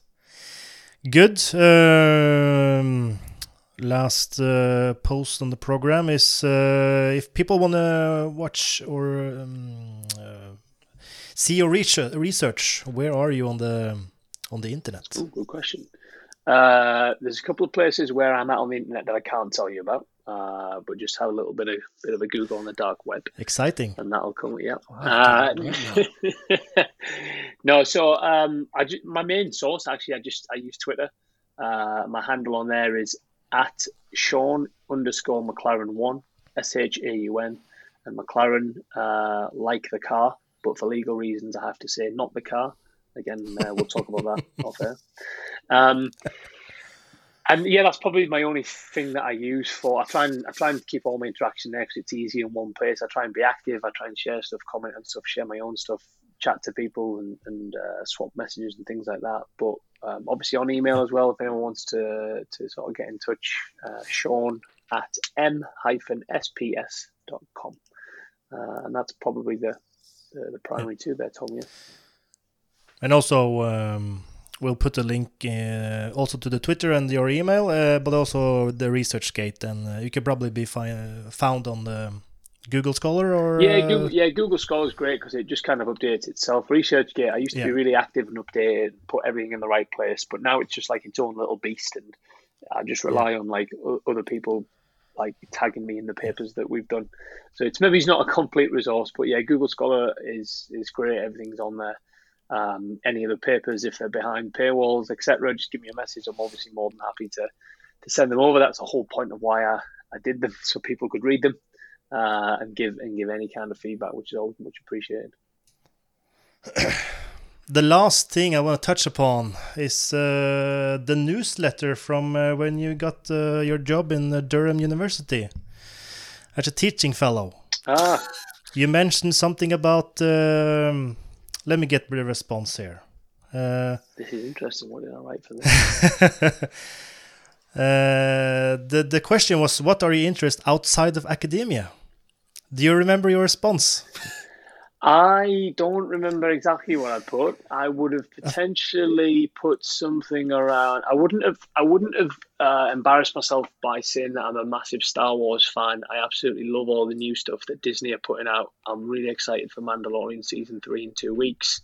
Um, I wouldn't have said that, but that is true. Um, I'd have probably steered away from sport because it's like, oh well, outside of sport, I like rugby. Well, that's obvious because I work in rugby. uh, I may have also mentioned that uh, musically, uh, I'm really into kind of uh, what you could probably now call like classic dance music. I listen to all kinds of dance music, but I, I was really into like the '90s stuff. Where I, I, mean, I was born in 1990, so I, I wasn't. I was around at the time. I don't really remember it. Not until at least the late 90s, especially when stuff was kind of uh, hitting the mainstream radio around like your 97, 98, 99 sort of trance bubble. But yeah, a lot of people would listen to like classic trance and stuff like that and be like, this is just like banging. And like, I think all the people are like, oh, this is just, it's just more of that rubbish. Younger people now are like, oh, what's this? It's like the, all, all, the octaves are wrong and that's so out of tune and blah, blah, blah. For me, that was like the essence of what it was. It was like your, it was your Fatboy Slims and your Carl Coxes and, um, it was, you know, like your your, your Byron Refineries and your Ferry Corstens and all them. And I just absolutely love that whole scene and still do. And you know, I like I listen to a lot of that that music. And do you still DJ?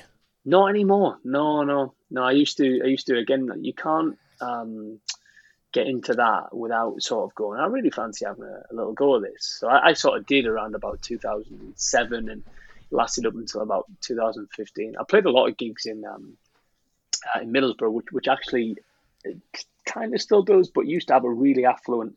For a small little town in the northeast, we used to get some huge, like some really really big names, and I, I was fortunate to work at. Uh, with, with, a couple of guys who had a club called the the Arena, and they kind of like expanded out of there.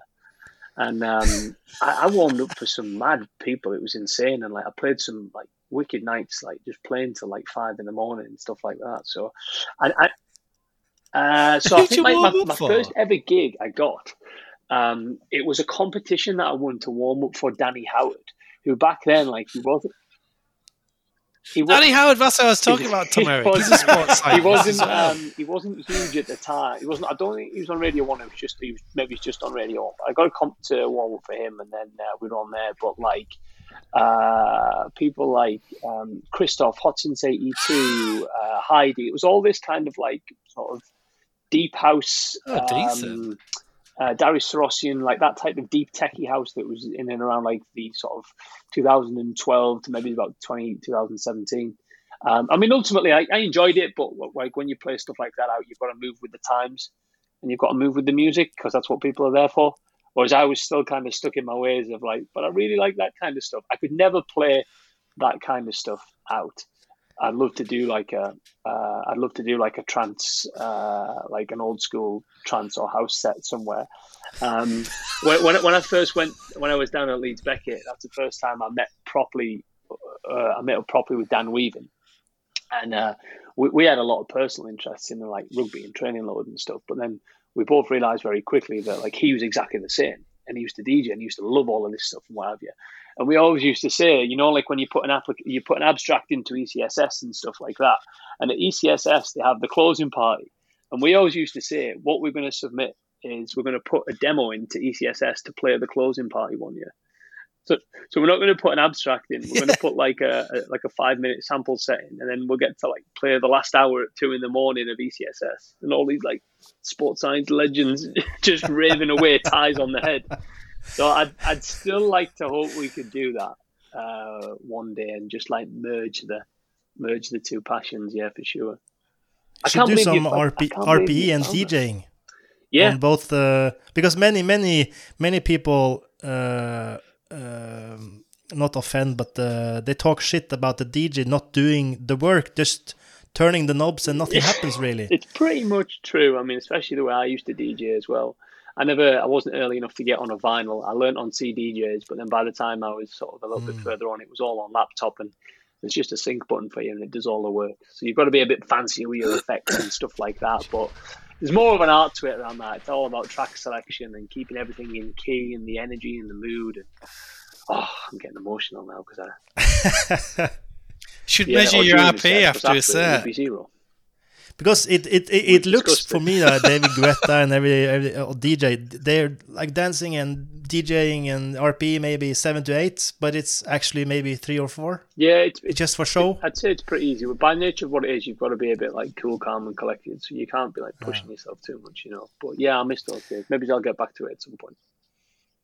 There is a market for it. Uh, in Norway, we have these uh, 90s uh, concerts. So uh, come to Norway well, and DJ like, uh, some old old. Uh, you get like you get the extra day on the weekend as well, so there must be more scope to actually have a club night because you can go out on Thursday night, Friday night, Saturday night.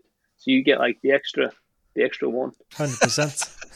I need to get that. I would love to hear some uh, nineties uh, tidy boys and. Uh... But you and Doctor Alban in bloody Cowpanga. Jesus Christ.